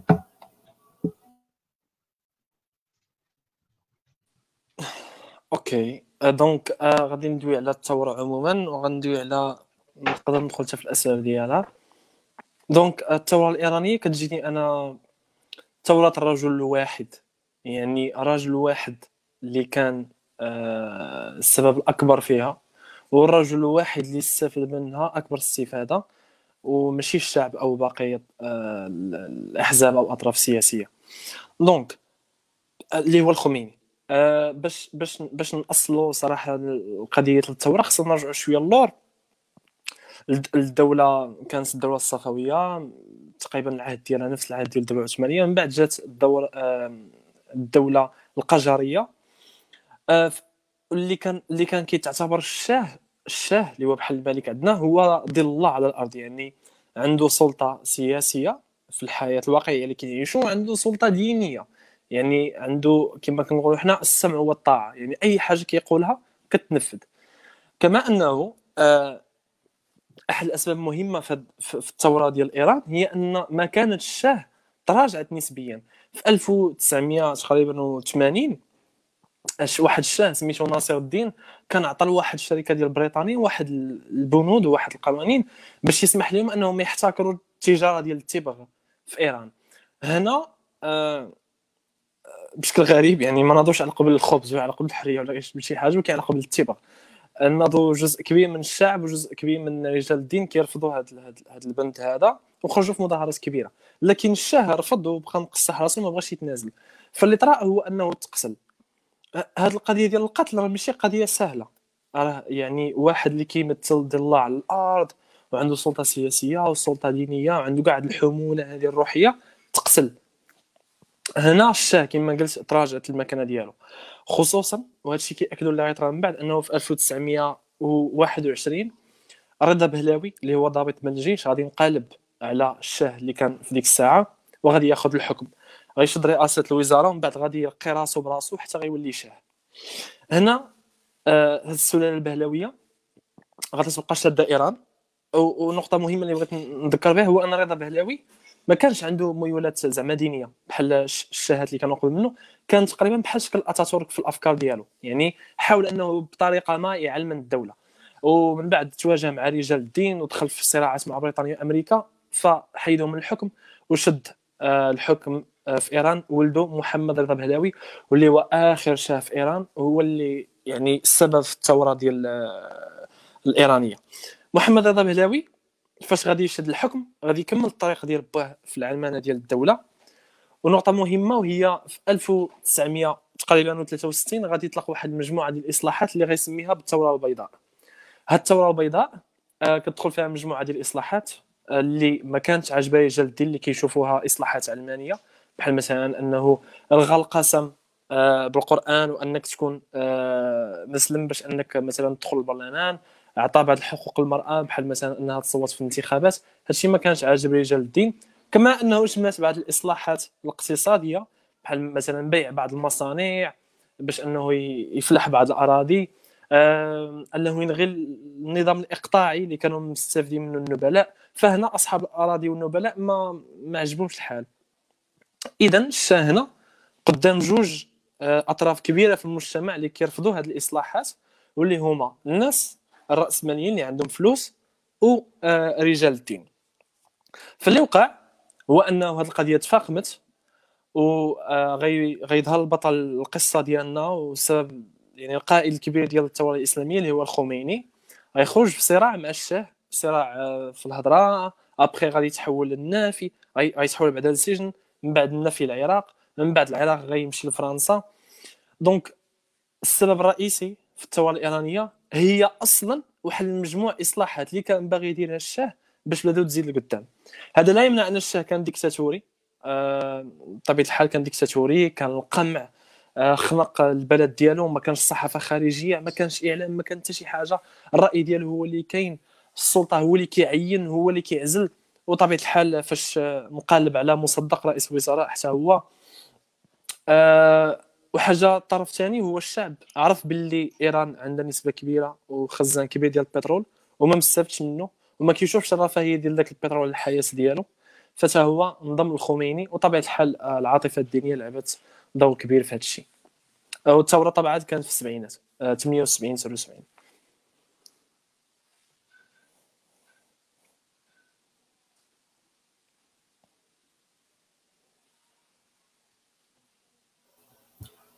شكرا ياسين على التدخل ديالك وعلى المعلومات القيمة اللي عطيتينا على على الثورة الإيرانية. ما عرفتش واش ايمن امي ما عندكم أي تدخل على شي حاجة اللي ذكرناها ولا بغيتو تزيدوا أي معلومة قبل ما ننتقلوا للأسئلة؟ بغيت كنظن بغيت غير نسول ياسين. آه أنا بصراحه ما عنديش زعما معلومات بالتفاصيل على على الثورة الخمينية كيف ما عند ياسين. ولكن على حد علمي أنه آه قبل كانوا مثلا الإسلاميين مع الليبراليين مع اليساريين ديال ديال ديال إيران كي كينسقوا بيناتهم ولكن في الآخر اللي وصل السلطة هما الإسلاميين. واش كاينة هذه المسألة هذه ولا غير؟ شي معلومه آه. خاطئة عندي من شي جهه لا. هو في الخمسينات آه كاين واحد الحزب سميتو حزب الجبهة الوطنية هو حزب ليبرالي. ولكن بما أنه في إيران فكيسمي راسو حزب ليبرالي إسلامي. واللي كان شاد اللي كان زعما القائد ديالو هو مصدق اللي شد رئاسة الوزراء. من بعد فعلا تم واحد آه، زعما آه، ناسقوا بيناتهم السلطات هذه الجبهة الوطنية اللي شدوا رئاسة الحكومة مع واحد الله آه، مع واحد رجل دين سميتو آية الله آية الله كشاني كنظن. كان شد الرئاسة ديال البرلمان. و vraiment نسقوا قدروا انهم ينقصوا بزاف من السلطات ديال الشاه لكن من بعد آه، بحال اللي كنقولوا فاش كنوصلوا للمصالح آه، الطرق ديالنا كتفترق. donc نقالبوا آه، من بعد على مصدق والشاه رجع السلطة ديالو كيف ما كانت. تمام. زين انت بعدا عندك عندك ذاكرة للتفاصيل. أنا ما كنقدرش نعقل التفاصيل بزاف ولكن آه، شكرا. ودايوغ راه هادشي هذا اللي كيوقع في بزاف ديال الحالات. عادي جدا كتكون واحد المصالح سياسية ما بين بعض الأطراف بشكل مؤقت ولكن من بعد كت... ملي كتوصل لواحد المرحلة كت... كتبدا كتفرق بصراحه صح. أه، شكرا بزاف على التدخلات ديالكم بجوج أه، ممكن دابا نمروا للاسئله والتعليقات اللي عندنا من المشاهدين.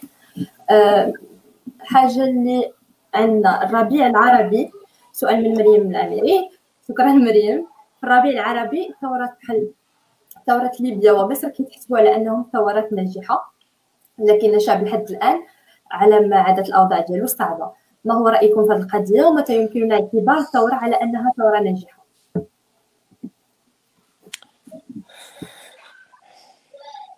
يبدا ابدا يا امي أنا مصح لا بنتي اللي باغي تجاوب. والله تدوز حتى الأول. بلاتي بعدا غير واحد القضية إلا كان ممكن عافاك لي غندير واحد بحال ما عرفتش نقطه نظام ولا ما نعرفش شنو المهم ما عرفتش كيسميوها. دغيا آه، يلا دابا ضربت واحد طليلة خفيفة وبان لي بلي كاين اللي اخطا مثلا غير للاشاره حنا كلنا هنايا راه نيت كما سماها البعض غير مجمعين مع بعضياتنا وكنناقشوا مع بعضياتنا بهذوك les moyens du bord اللي عندنا. وبديك شوية ديال المعلومات اللي عندنا يعني إلا مثلا ارتكبنا شي خطأ في شي معلومة آه، آه، معينة مرحبا وألف مرحبا غادي يكونوا فرحانين. إذا شي حد صحح لنا في commentaire. إذا بانت لكم شي ملاحظة وكانت عندكم شي حاجة تضيفوها مرحبا وألف مرحبا. حنا ماشي مختصين حتى شي حد فينا. حنا بحالنا بحالكم قرينا التاريخ غير في في ال lycée. آه، كنمشيو كنبحثوا من هنا من لهيه هو عادي جدا ممكن نخطئوا غير اللي عنده شي ملاحظة ولا بان لي بلي خطأنا ولا شي حاجة مرحبا. عادي حنا هنايا باش نتعلموا من بعضياتنا صحيح. فعلا فعلا. آه بطبيعة الحال كنتسناو كنتسناو جميع الآراء ديالكم كنشوفوها قدامنا. آه إلا كانت شي حاجة فيها شي تصحيح عافاكم بينوا لينا أنكم كتحاولوا تصحوا كتبوا وحدها تصحيح ولا شي حاجة وغادي نقراوها. و... ولا كان الغلط راه كنعترفوا به أصلا الإنسان كي كي كيجيب الصحيح من الخطأ. تفضلوا على على الجواب ديالكم بعدا OK. آه كنظن آه المهم هذا غير راي شخصي كيف ما قالت اميمه حنا ماشي مختصين. حنا في كافي ستوري donc حنا مجمعين. آه وكنستافدوا مع بعضياتنا كنظن باللي نفس المعلومة اللي قلت قبيلة واللي هي أشنو طرا من بعد؟ يعني آه واش هذا الثوره اللي طرات آه من بعد سنوات سواء على المدى القريب ولا الطويل حسب كل حالة. ولكن المهم من بعد أشنو طرا فيها؟ واش تبدل الحكم؟ واش تزاد الديمقراطية؟ واش من بعد ما طراوش اغتيالات واش ما طراوش؟ مثلا آه، بحال المثال ديال الثورة المصرية ما عرفتش أنا شكون زعما شنو المعايير اللي نقدروا نتبعوها آه، باش نقولوا أن ديك الثورة نجحات ولا ما نجحاتش. بعدا واش الثورة ديال آه، يناير ولا الثورة ديال 2013 ديال 30 يونيو اللي كنعتبر أنا صراحة انقلاب عسكري ماشي ثورة. ولكن شنو شنو المعايير؟ مثلا بعد داك الانقلاب ديال 30 يونيو ناس كثيرة كثيره كتوصل كنظن أكثر من 4000 في العدوية وفي بزاف ديال المناطق أخرى اللي ماتوا. مهما كان الاختلاف الإيديولوجي ديالك أو العقائدي ديالك مع هاد الناس في الأخر هي أرواح ديال الناس ماتوا اللي كتجاوز 4000 وماشي في شهر ولا في ثلاث شهور الفض ديال الربيع العدوي ديال مناطق أخرى كان في نهار في يومين. آه يعني راه بزاف.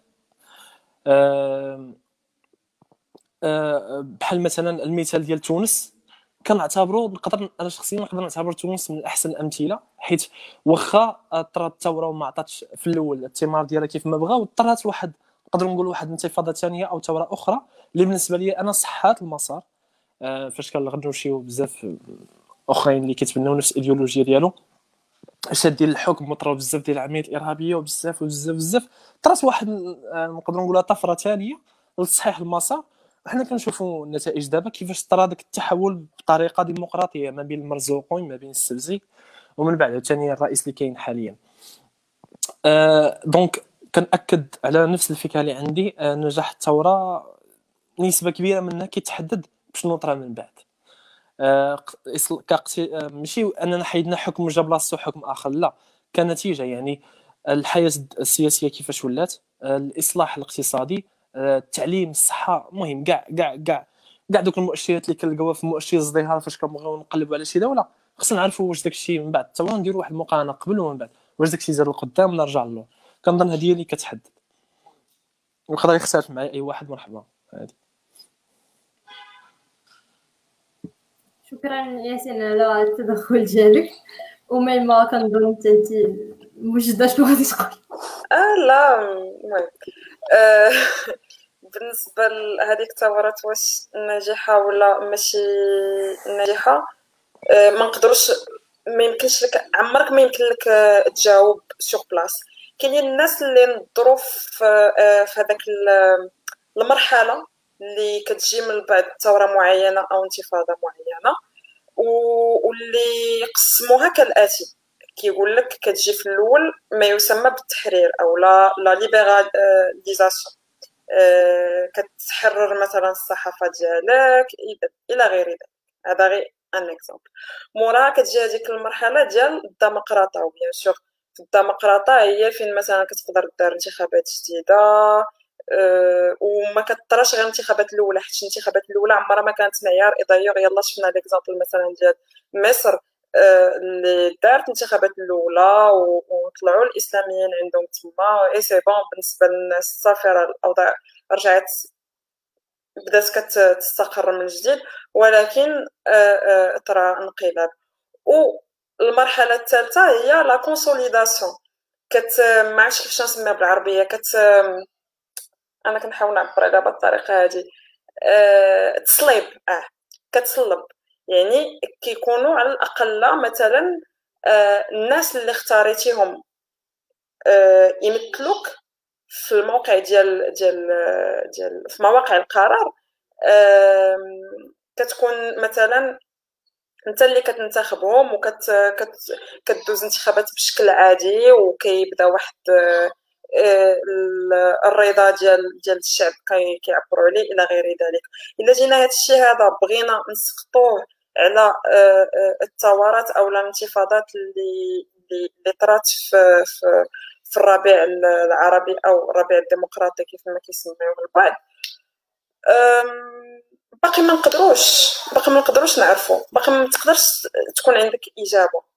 باقي هادشي هذا ما حابش هنايا ما كتقدرش نتوقع ولكن pour le moment حتى شي حاجة زعما ما عدا مثلا تونس اللي كان يمكن آه، الحظ وقف آه، في جنبهم في مجموعة ديال النقاط مثلا آه، خرجوا عندهم نقابات عمالية اللي اللي اللي دعموا.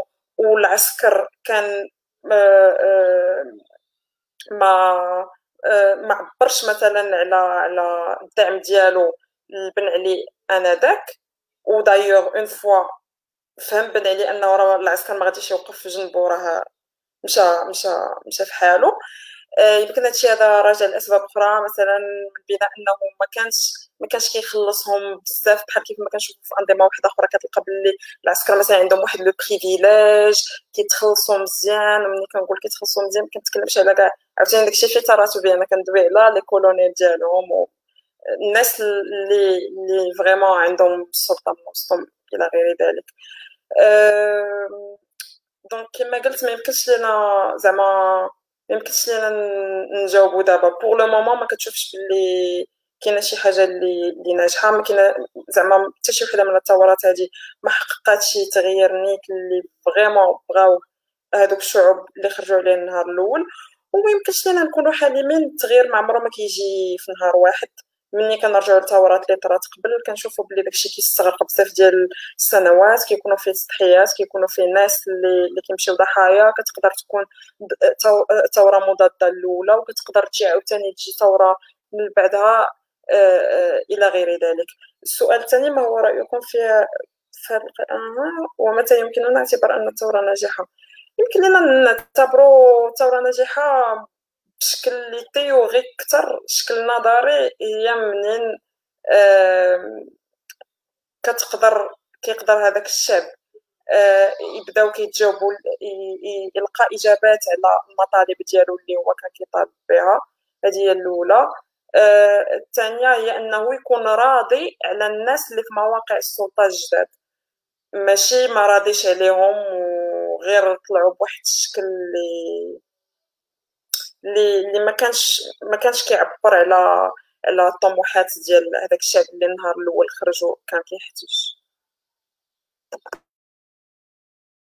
شكرا على الآراء ديالكم. ربما ندوزو لثاني تعليق آه، ولا سؤال اللي عندنا. آه، محمد دكيري كيقول بأن الثورة أو الحراك الاجتماعي ما هي إلا مطالبة الشعب أو الطبقه المسيطر عليها بالتغيير الاجتماعي. المطالبة بحياة كريمة ومحاربة الاستبداد وأي مجتمع تغيب فيه الحرية والكرامة الاجتماعية عبارة عن قنبلة وكلما تأخر حدوث التغيير زادت شدة الضغط مما قد يخلف نتائج سلبية. كنظن أننا كامل ممكن نتفقوا على ان هادشي كيلخص شوية علاش كيقوموا الثورات آه لأنه بطبيعة الحال آه الإنسان في واحد في واحد المجتمع كيفما كان في واحد الدولة فين كينطبق على قانون الدولة كيكون واحد النوع من الأخذ والعطاء كيكون الشعب كيتسنى واحد الحاجة في حين أنه كيعطي واحد الحاجة في المقابل وهذه واحد الحاجة اللي كان يمكن لنا نسطروها تاريخيا منذ القدم كيفما تغيرت الأنظمة واخا نشوفوا كانت العبودية ولا كان النظام الفيودالي ولا كانت الأنظمة مختلفة وغير ديمقراطية كنشوفوا دائما رغم أنه الموازين مختلة ديما الشعب ربما كيخلص أكثر ولكنه كيتسنى واحد الحاجة في المقابل اللي ربما هي الحماية آه، ربما هي دابا كلنا كنترجموها بالحياة الكريمة إلى أن الحاجة اللي غادي نشوفوها ديما فين ما كيوقع حراك فين ما كيوقع ثورة وفين ما كيوقع تمرد أو أي نوع من الأنواع كتكون واحد الحاجة خديتيها من داك آه، كيفاش يمكن نسميوها واحد واحد المعادلة بينك وبين واحد بين بين الشعب وبين واحد السلطة حاكمة فين كيتعطى وكيتخاد ملي كيتخاد من واحد الجهه أكثر ما هي قادرة تعطي وما كيتعطاها شي حاجة بالمقابل دائما كتكون هذيك القنبلة اللي غادي تنفجر. دونك وهذا الشيء كيتبدل عبر عبر الوقت ومع التاريخ كنشوفوا أن المطالب كتكثر للدول وكيولي بطبيعه الحال الثوره كيف ما كانت الثوره ولا الحراك الاجتماعي أو التمرد كتكون هي آه، طريقة للتعبير عن عن أن واحد الشعب ولا واحد الفئة من الشعب. ما بقاتش قادرة أنها تعيش في واحد الظروف اللي كتوفرهم واحد السلطة حاكمه واللي كيبغيو أنهم يبدلوها بهذه الطريقة. إلا كان شي تدخل ديال ايمن ياسين ولا أميمة؟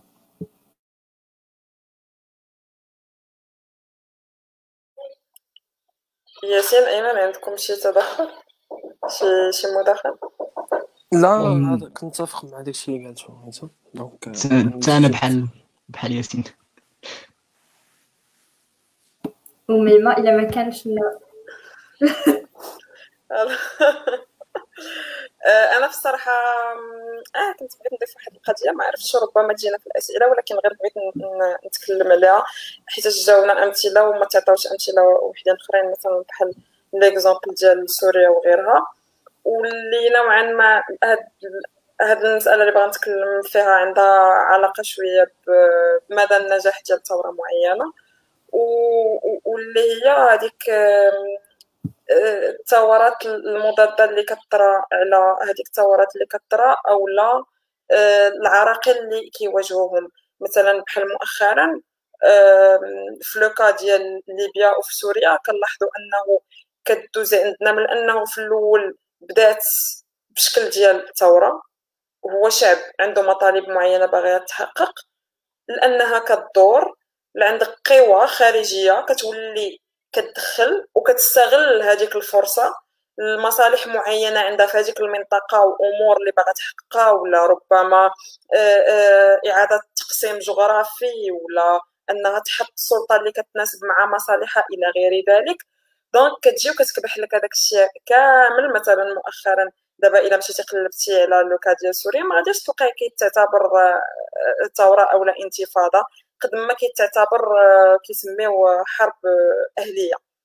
alors que كتلقى آه، ميريكان داخلة من الجهة المهم عندك جوج ديال هذوك جوج ديال شنسميهم جوج ديال المعسكرات اللي كنعرفوا كل واحد كي كي كيتصالح مع الآخر من الجهه et c'est vraiment grave لحيتاش كتلقى بلي شعوب اللي عندها عندها مطالب من حقها انها أمور اللي من حقها انها تطالب بهم وتحققهم و كتستغل بحال هذيك الفرص وكت إلا مشى حتى تدخل دخلت في قوى خارجية كي كيولي مشكل وكيولي من من شبه المستحيل أنه توصل لهذاك التغيير المنشود.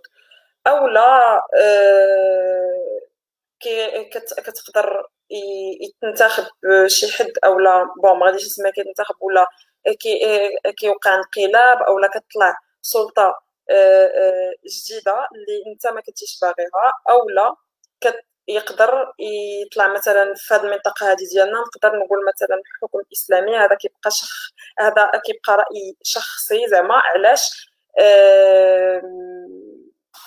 بالنسبة ليا من الصعب جدا أنه يجي يحكمك شي حد ويحكمك بالدين. الدين كتبقى كيبقاو عقائد آه، ديالنا كتبقى أمور اللي كتبقى بيننا وبين الإله اللي اللي اللي كنأمنوا به وكتبقى واحد الأمور اللي اللي شخصية. ملي كيولي كيجي واحد غادي يحكمك بها donc من الصعب جدا. وأنا بالنسبة لي هذه من الأمور اللي ممكن لها تكبح الطريق ديال ديال التغيير. دونك ثلاثة ديال الحاجات.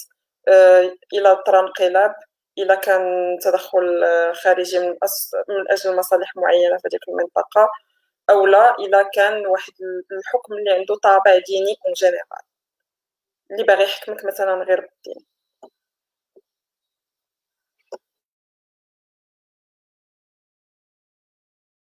شكرا على التدخلات ديالكم. آه نشوفوا السؤال أو الحاجة التاليه هل كانت ثورة العبيد في اليونان وتغيير نظام الحكم الأوليغارشيين؟ آه باس تحت قيادة كلايستينيس تعتبر اللبنة الأولى لبروز ثورة منظمة. آه في الحقيقة اللي كنعرفوا على أن الثورة اللي كانت في أثينا اللي غيرت الحكم الحكم أوليغارشي آه كانت ثورة من طرف آه، ناس من أغنياء أتينا. ما عرفتش واش كندوي على الثوره لأنك ما عطيتينيش آه، آه، ما عطيتينيش التاريخ ديالها. كنتمنى مصباحي سي مصباحي إلا ممكن تعطينا معلومات أكثر على الثوره ولا ممكن تدوي لنا أنت أكثر على على أشنو وقع فيها باش نحددوا ولا حنا كاملين ندويو على أشنو وقع. لأنني ما عرفتش واش نفس واش كندوي على نفس الثوره وبما أنك قلتي ثوره العبيد ما ما حصلش لي أنني عرفت على ثوره العبيد اللي غيرت الحكم الحكم أوليغارشي اللي كنعرف أن آه، الحكم اللي ولا في أتينا بالضبط لأنها كان اليونان كانت مقسمة واللي كان كيتم حكم ال 400 كان من طرف ناس يونانيين آه، ناس أثينيين اللي من من أغنياء أثينا واللي ما كانوش من العبيد آه، نتمنى لو أنك وضحتي أكثر في كومنتير آخر. نشوفوا الا شي واحد كيعرف أكثر يمكن يتكلم لنا عليها. سينو ندوزو التعليق التالي.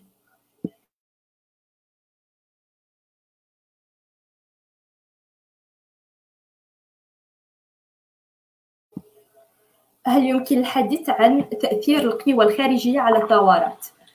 آه ممكن ربما ندوي على ربما أميمة ولا ياسين ولا أيمن يمكن لكم ندوي على تأثير القوى الخارجية على الثورات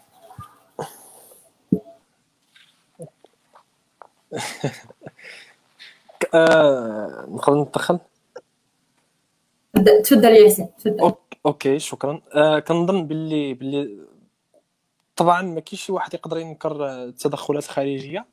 حتى الثوره اللي ذكرت قبيله ديال العرابي آه اللي فشلت في مصر كان أحد الأسباب ديالها هي آه الملكة ديال بريطانيا اللي راسلت عبد الحميد الثاني وعطاته بعض الوعود وكذا وعبد الحميد الثاني حتى لو حسنا به الظن وعرفناه باللي مثلا كان مضطر وكذا فاش رسل ديك الرسالة ديال أنه تمرد ديال أنه خروج على السلطة الشرعية والدينية donc بزاف ديال الجنود تراجعوا وبالتالي عرابي تشد وفشلت الثورة ديالو. من جهه أخرى مثلا الثوره ديال ايران اللي دويت عليها الخميني. آه رغم أن الخميني كانت عنده شعارات كثيرة أنه آه أمريكا هي شيطان وهي ضد الثوره ديالنا وضد الإسلام وضد البلاد ديالنا إلا أنه فاش كان راجع من فرنسا آه كانت مراسلة بينه وبين الرئيس الأمريكي جيم كارتر وطلب منه أنه فاش رجع من فرنسا حيت ديك الساعة كان الشاه هرب وبقى الجيش هو هذا الحكم. فطلب منه أنه يتواصل مع الجيش الأمريكي ويقول لهم أن أنهم ما يقصفوش الطيارة ديال الخميني ملي يكون راجع. فالخميني غير فريمون جاي يسمع الهضرة ديال الرئيس الأمريكي. ها هو هذا تدخل أجنبي. ساهم في أنه الخميني يجي. كل ما كانش هذا الاتصال وكل ما كانش التواصل عمر الخميني يقدر يجي. وعمر هذا الديكتاتورية الدينية اللي ولات جديدة في إيران كانت يمكن لها تنشأ. المهم هادو جوج أمثلة ما بين الثورة العربية والثورة ديال الإيرانية.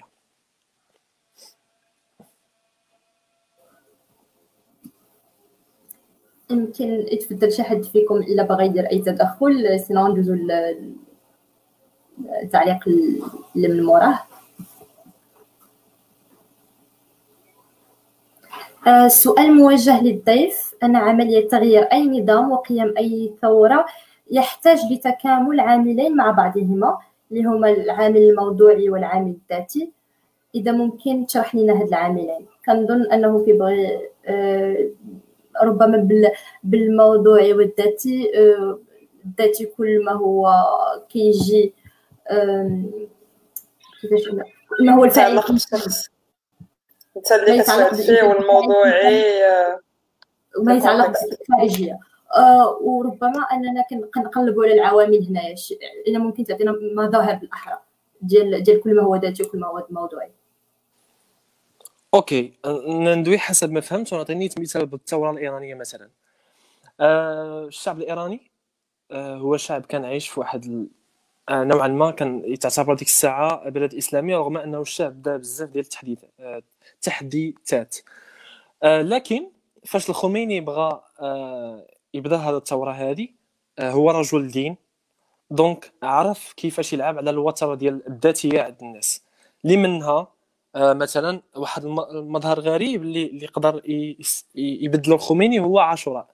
مثلا عاشوراء معروف عن الشيعة إنه واحد النهار ديال البكاء وإنه ديال ديال الحزن ديال إننا نبقاو باركين وما نديرو والو نحزنوا على سيدنا الحسين والظلم اللي تعرض ليه من عند يزيد وكذا. لكن الخميني فاش كان ضد الشاه قدر يحول هذا النهار وهذا الطاقة الذاتية اللي عند الناس والعاطفة الدينية لطاقه إنهم يرجعها حدث لمحاربة الظالم. بما أنه مثلا الحسين تعرض للظلم من عند يزيد فأننا خصنا نحر نعاودوا نعيشوا أو نديروا واحد إعادة الذكرى. يعني نعاودوا هذيك الذكرى اللي كانت ديال أن يزيد مثلا ظلم الحسين وقتلو أن نعاودوا نديروها إحنا في الواقع وأننا نطردوا هذا الشاه الظالم. يعني زعما بحال بغى يرجعوا نفس اللوكا ما بين الحسين ويزيد فإحنا مظلومين وخصنا نطيحوا هذا الشاه وخصنا كذا فعرف vraiment كيفاش يلعب على الوتر الديني و surtout انه بزاف ديال المرات واحد المرة كانت عاشوراء جات برمضان فقدر انه يجيش بزاف ديال الناس ضد الشاه وبقى حتى انه آه، الخطير في الخميني انه كيفاش قدر يستحوذ. انه مثلا فاش كان فرنسا الخميني كان كاتب واحد الكتاب سميتو آه، كنظن آه، الجمهورية الإسلامية وشي حاجة بحال هكا اللي اللي كيأسس فيها مبادئ ولاية الفقيه. ولاية الفقيه سريعا هو أن رجل دين واحد اللي غادي يشد الحكم وغادي يتحكم في كل شيء. فاش كانوا كيجيو عنده الجرائد لفرنسا وكانوا كيسولوه هو عارف طبيعة الحال أنه في إيران كاينين بزاف ديال الإسلاميين ولكن كاينين الماركسيين وكاينين الناس علمانيين اللي ما عندهمش توجهات دينية وكاين بزاف ديال الأنواع. فكان كيلعب في الأجوبة ديالو كيعطي أجوبة اللي كل واحد من هاد الناس يقدر يقراها بتصور صحيح. مثلا فاش كانوا كيسولوه على واخا أنت طيحتي الشاه شنو شنو غادي ديروا من بعد؟ كيقول لهم أجوبة عامة ولا أي واحد يقدر يتبان ليه زوينه كيقول لهم حنا الهدف ديالنا نطيحوا الشاه. ونديروا حكومة كتحترم الشعب. ونديروا حكومة كتحترم القوانين. وكتحترم الدستور. وتأسس دستور. ولكن ما قالش كيفاش يطرى هذا الشيء ما قالش دستور أن هذا الدستور اللي غادي يتأسس باش يضمن لي أنا أنني نحكم إيران. ما كانش كيذكر هذا الشيء. donc هنا كان كيلعب على واحد النوع ديال الذاتيه وعلى العاطفة عند الناس.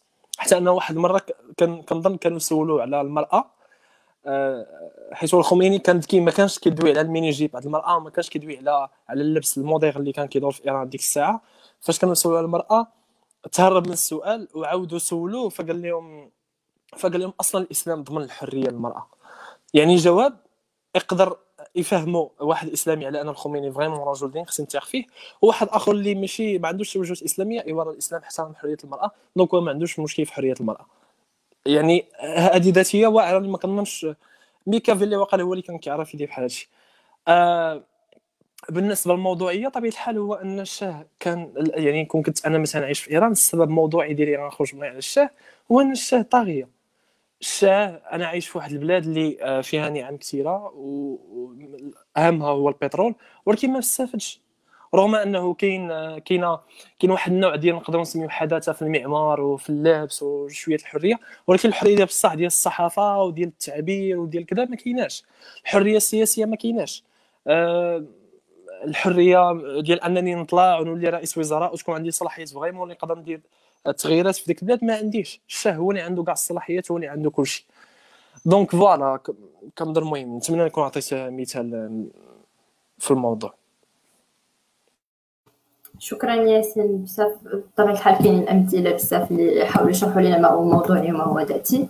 كنظن ننتقلوا للسؤال الثاني آه نرجعوا بغيت نرجع لسي مصباحي آه كدوي على نفس الثوره بالنسبة لي أنها ربما تكون فعلا لبنه البناء آه البناء كيفاش الناس كيثوروا آه لأنها واخا أظن أننا ما كندويوش على نفس الثوره لأن اللي في بالي الثورة اللي قامت في السنة 411 قبل الميلاد واللي كانت من أوائل الثورات آه، ربما ما كندويوش على نفس الحاجة ما, ما عنديش ما عنديش آه، دراية على هيباس ولكن ممكن ندوي على ان الثوره اللي جات من موراها كانت من أول الثورات اللي كانت منسقة واللي آه، كان الهدف من موراها أنه شيئا ما يتصلح الوضع السياسي لأن بالنسبة لهذوك الناس الأثرياء ديال أثينا كان بالنسبة لهم واللي كانوا هما آه، وحدين من الناس اللي كيترأسوا العساكر ديال ديال ديال ديال أثينا. كان بالنسبة لهم آه، داك داك التغيير اللي غادي يوقع والأوليغارشي ملي غادي ملي غادي تحد تما غادي تكون نظام انجع لأثينا. ربما كنظن أن التنسيق اللي حدث في هذيك الثورة كان من من الحوايج اللي خلاوها تنجح ومن الحوايج اللي كيخلينا نشوفوا تطور ثورات عبر التاريخ. ممكن إلا بغى شي واحد يزيد شي حاجة؟ آه، ولا نتبدلوا السؤال التالي.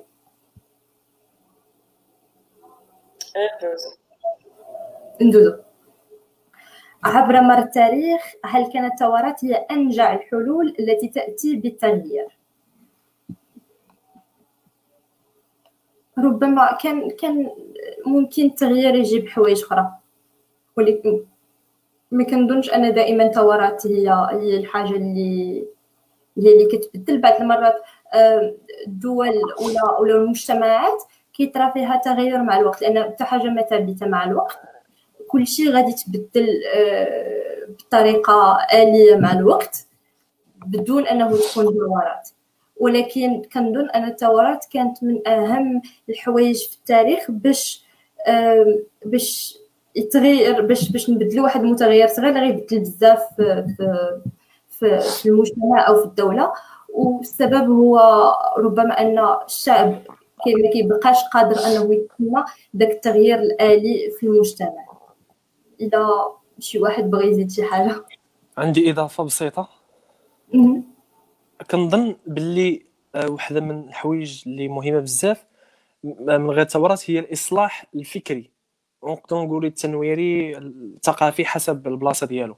مثلا آه، الا لاحظنا فقبل حتى من مثلا الثورة الفرنسية في أوروبا بزاف ديال الثورات اللي طراو من بعد جا قبل منها بعد التحرر من السلطة ديال الكنيسة اللي هذا كنعتبره إصلاح فكري اللي نداو ليه بعض الناس وجا عصر ديال الفلاسفة المتنورين ديكارت كانت سبينوزا وهاد الفلسفات وهاد المعرفة ديالهم بحال حركت واحد واحد داك الماء الراكد اللي كيكون مع التراب في التحت وفاش كتحركو كيعاود يتخلط التراب مع الماء كيعاود نفس المثال كيعاود العقل ديالنا يتحرك بالأفكار ويعاود يفكر ويقول واش هادشي صحيح واش بصح صكوك الغفران إلا شريتها غادي تدخلني الجنة وكذا وكذا.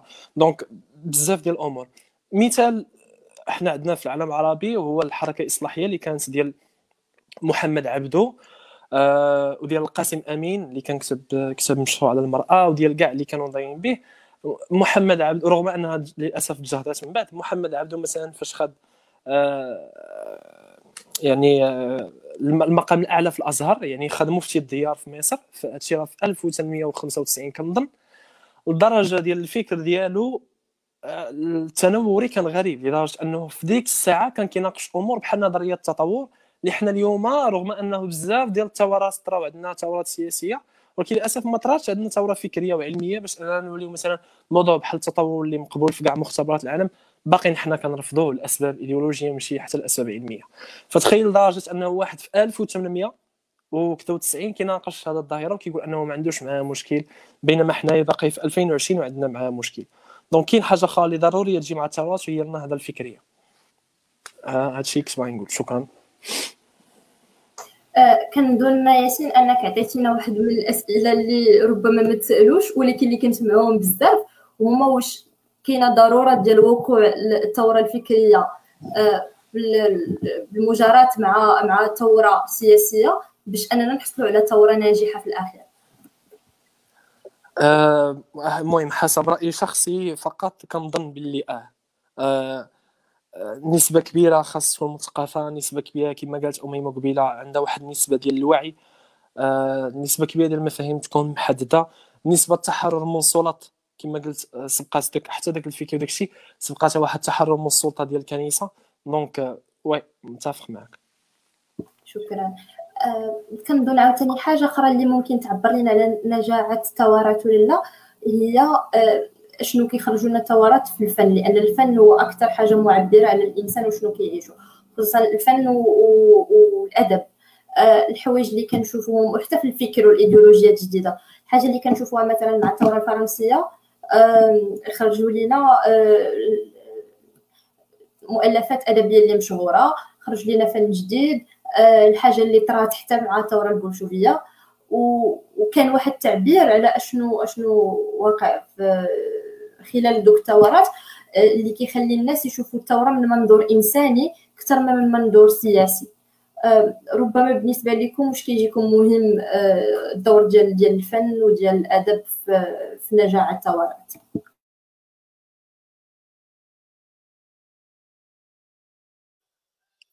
ياسين بغيتي تدوي ما الضيف ديالنا ما عندي حتى شي ما عندكش شي حاجة. بعدا آه، إلا كان ممكن نتفاعل غير دغيا مع السؤال ديال آه، ديال زكريا المحفوظي وأبخي ندوز السؤال ديالك غير منين قال بلي واش كنشوفوا بلي مثلا الثورات هي انجع آه، الحلول بالنسبة للتغيير؟ على حسب هذاك التغيير اللي أنت كتقلب عليه. اذا كان مثلا تغيير سياسي شخصيا كنشوف بلي من بين الحوايج اللي ممكن يوص يوصلوك لواحد التغيير سياسي هي هذيك آه، الثورة ماشي شي حاجة أخرى. زعما كيبقى هذا رايي شخصي بيان سور. أما بالنسبة للتغيير التغيير راه فيه وفيه. زعما كاين كاينين أنواع ديال ديال ديال التغيير اللي ممكن تحققهم بلا ما ما تكون ديك الثورة بالشكل الكلاسيكي اللي حنا كنتخيلوه راسنا. آه، بالنسبة للسؤال ديالك كنتي دويتي على الفن ياك؟ دويتي على الأهمية ديال الفن. آه, آه، وقلتي باللي واحد واش يمكن لنا نعتبروها زعما واحد من المعايير تاع نجاح تاع ثورة معينة لا؟ آه ممكن. واش واش نشوفوا بأن الفن والأدب عندهم واحد الدور في, في هذاك المحاكاة ديال ديال ديال الثورة. واش واش الثورة كيكون عندها صدى كبير ملي كيكون ملي كيكون هناك فن وهناك أدب اللي كيوصفها من بعد وكيعطيها جانب إنساني. لأننا ملي ملي كنشوفوا الثورات القديمة اللي دوينا عليهم قبل كنسمعوها أشنو وقع المؤرخين شنو قالوا وأشنو كاين هنا وشنو كاين هنا. ملي كنشوفوا مثلا الثوره الفرنسية إلى قرينا مثلا لي ميزيرابل آه وشفنا شنو وقع إلى شفنا الثوره البولشوفية وشفنا أشنو كتبوا آه الكتاب السوفيتيين منهم مثلا أوستيروفسكي. آه كيمكن لنا نعيشوا ونحسوا بالناس شنو عاشوا اجتماعيا وسياسيا خلال هذه الثورات وكتعطيها واحد البعد انساني واش كيكون صدى كبير للثورة وكيكون عندها معنى أكثر ملي ملي كتكون كتخرج لنا الأدب والفن ولا لا؟ ربما هذا هو السؤال اللي بغيت أنا كنظن أي ثورة غادي تدوز هي كما كنقولوا بلي الجمال يولد من رحم المعاناة. هي ملي كتكون عندك واحد الثورة وكاين واحد الصراع معين راه من العادي جدا أنه غادي غادي يبان لك معاه واحد التيار فني. مثلا نعطيو غير مثال. مثال اللي هو بالنسبة لنا دابا هو مثال فاشل اللي ما نجحش واللي هو مثلا الانتفاضه ديال مصر ولكن مع ذلك راه كان عنده تأثير. فديك المرحلة ديال ديال ديال ديال الانتفاضات الشعبية تما. آه، كانوا بانوا بحال واحد street art كي كيشدوا هذوك les pistolets كيكتبوا بحال هكا في في الحيط كي كاين اللي كيرسم. كاين رسومات بحال هكا في بزاف ديال الشوارع من من شوارع مصر شفتو في في القاهرة. وهذا راه حتى هو فن اللي اللي اللي كيعبر على على شنو وقع في هذيك المرحلة. غير هي كيفاش إلا بغيتي تمحي مثلا الذاكرة ديال واحد الشعب معين ولا تمحي ليه داكشي من راسو اللي وقع هو أنه تبغات. donc رجوعا للسؤال ديالك آه كنقول باللي oui آه زعما الفن عنده عنده عنده دور مهم في هذاك الإشعاع ديال ديال الثورة أو لا مرحلة معينة. en général كيوقع عندك واحد التغيير. وكيجيو ناس من البعد اللي كيقراو أو لا كيشوفوا فن أو لا كيسمعوا موسيقى اللي كانت كتعبر على ديك الوقيتة أو لا كي كيقراو كتابات اللي كانت كت آه، تعبر على هذيك المرحلة. أكيد أنه كي كيكون عنده تأثير. والحاجة المعاكسة اللي ممكن توقع فيها هي منين كتكون مثلا ما قدرتيش توصل في هذيك الثورة للسلطة أو لا تكون عندك ناس اللي كيمثلوك في السلطة وكتوقع بروباغندا وكيتم التشويه ديال هذيك الأحداث و آه، مثلا اتهامها على أنها آه، كانت غير نوع من التخريب أو لا آه، نوع من الفوضى إلى إلى غير ذلك. شكرا على التدخل ديالك اميمه وممكن ندوزو لايمن يعطينا الراي ديالو على السؤال. أظن ان أن الأدب والفن وحتى العلوم أثرت وتأثرت بالثورات خصوصا جينا نشوف مثلا الثورة الفرنسية نلقاو أنها تأثرت بفكر الأنوار بمؤلفات تاع الأنوار. آه، اللي كانت اللي خلات واحد الفئة ديال الناس اللي كانت قارية شوية أنها أنها تبغي تبغي آه، تبدل الحالة ديال الناس.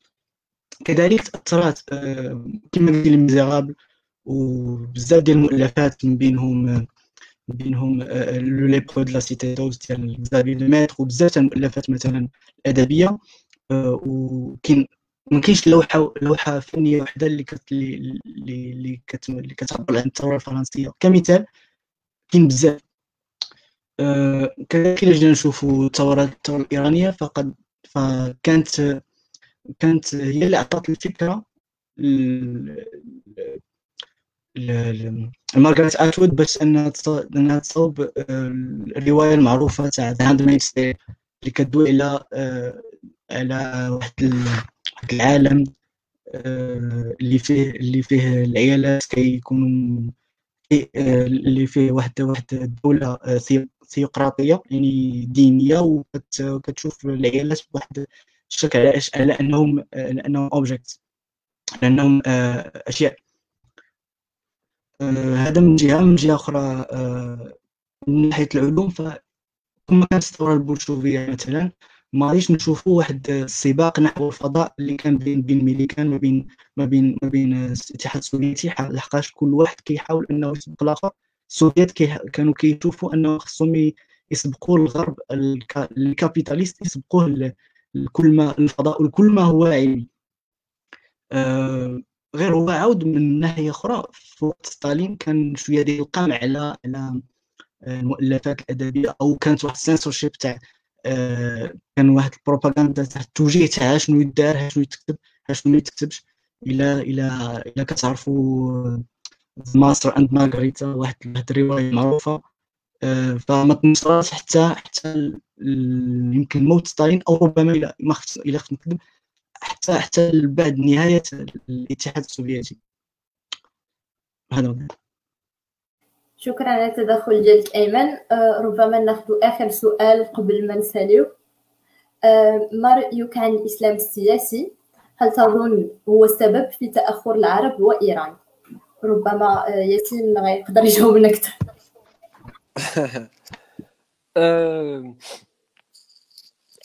هو سؤال فاغ شوية حيت حنا بصراحة واخا بزاف ديال المرات واخا ما كانش اسلام سياسي كنا فاشلين في السياسات ديالنا.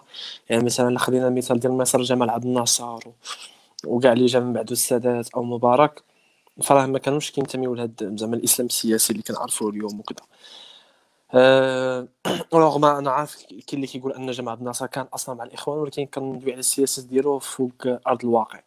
دونك أه... هو هذا زعما كنظر الإسلام السياسي هو جزء من المشكل بحال المشاكل الأخرى آه، اللي خصها تحل. واللي كما شرط أنه اللي كنتج هذه المشاكل هو الفراغ السياسي.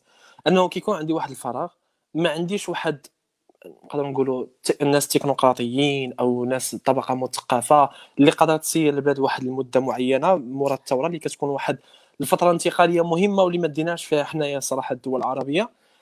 كتجي هاد الأطراف كتستغل الفرصة بخطابات شعبية خطابات عاطفية اللي كتستغل العاطفه ديال الناس أو التدين ديالهم بزاف ديال الحوايج وكتعمر هذاك الفراغ. وكما كانت قالت أميمة كيكونوا كيكونوا شعارات في البدايه ولكن غير كياخذ السلطة كيبان لك تحول آخر نظام ديكتاتوري بحال اللي قبل منه قمع الحريات وكذا. donc كنظن بلي الاسلام السياسي جزء من المشكل أو مشكل بحال كاع المشاكل. ولكن ماشي هو السبب الأول ولا نقدر نقول السبب الوحيد صح وانه ماشي هو السبب الوحيد للمشاكل هذا الشيء اللي كنظن. شكرا جزيلا ياسين على التدخل ديالك. ربما إلا كان شي واحد أميمة أو أيمن يبغي يزيد أي رأي ديالو. كنظن ما كاينش. ومن هذه الفرصة كنبغي نشكر ياسين بزاف على الوقت اللي عطانا اليوم بانه مرحبا. آه كنتمنى نلقاوكم مرة أخرى على موضوع آخر لأنه كان آه كان اكسارين بزاف وأننا أنا تكون معنا اليوم وكان آه كان الأخذ بالمحادثة أكثر دينامية معك. شكرا. شكرا جزيلا على الوقت ديالك. شكرا أميمة على جميع التدخلات ديالك على إنشاء الأرضية على كل شيء اللي قلتيه. مرحبا. شكرا أيمن على الوجود ديالك معنا اليوم على جميع تدخلاتك معنا. شكرا لجميع المتابعين اللي كانوا معنا اليوم واللي تبعوا معنا طول هذه الساعة 45 دقيقة. كنتمنى نشوفكم مرة أخرى الأسبوع المقبل في موضوع آخر.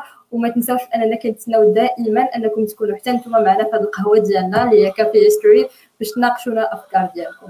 شكرا ونشوفكم الأسبوع المقبل. شكرا. السلام عليكم. شكرا. شكرا. باي باي شكرا.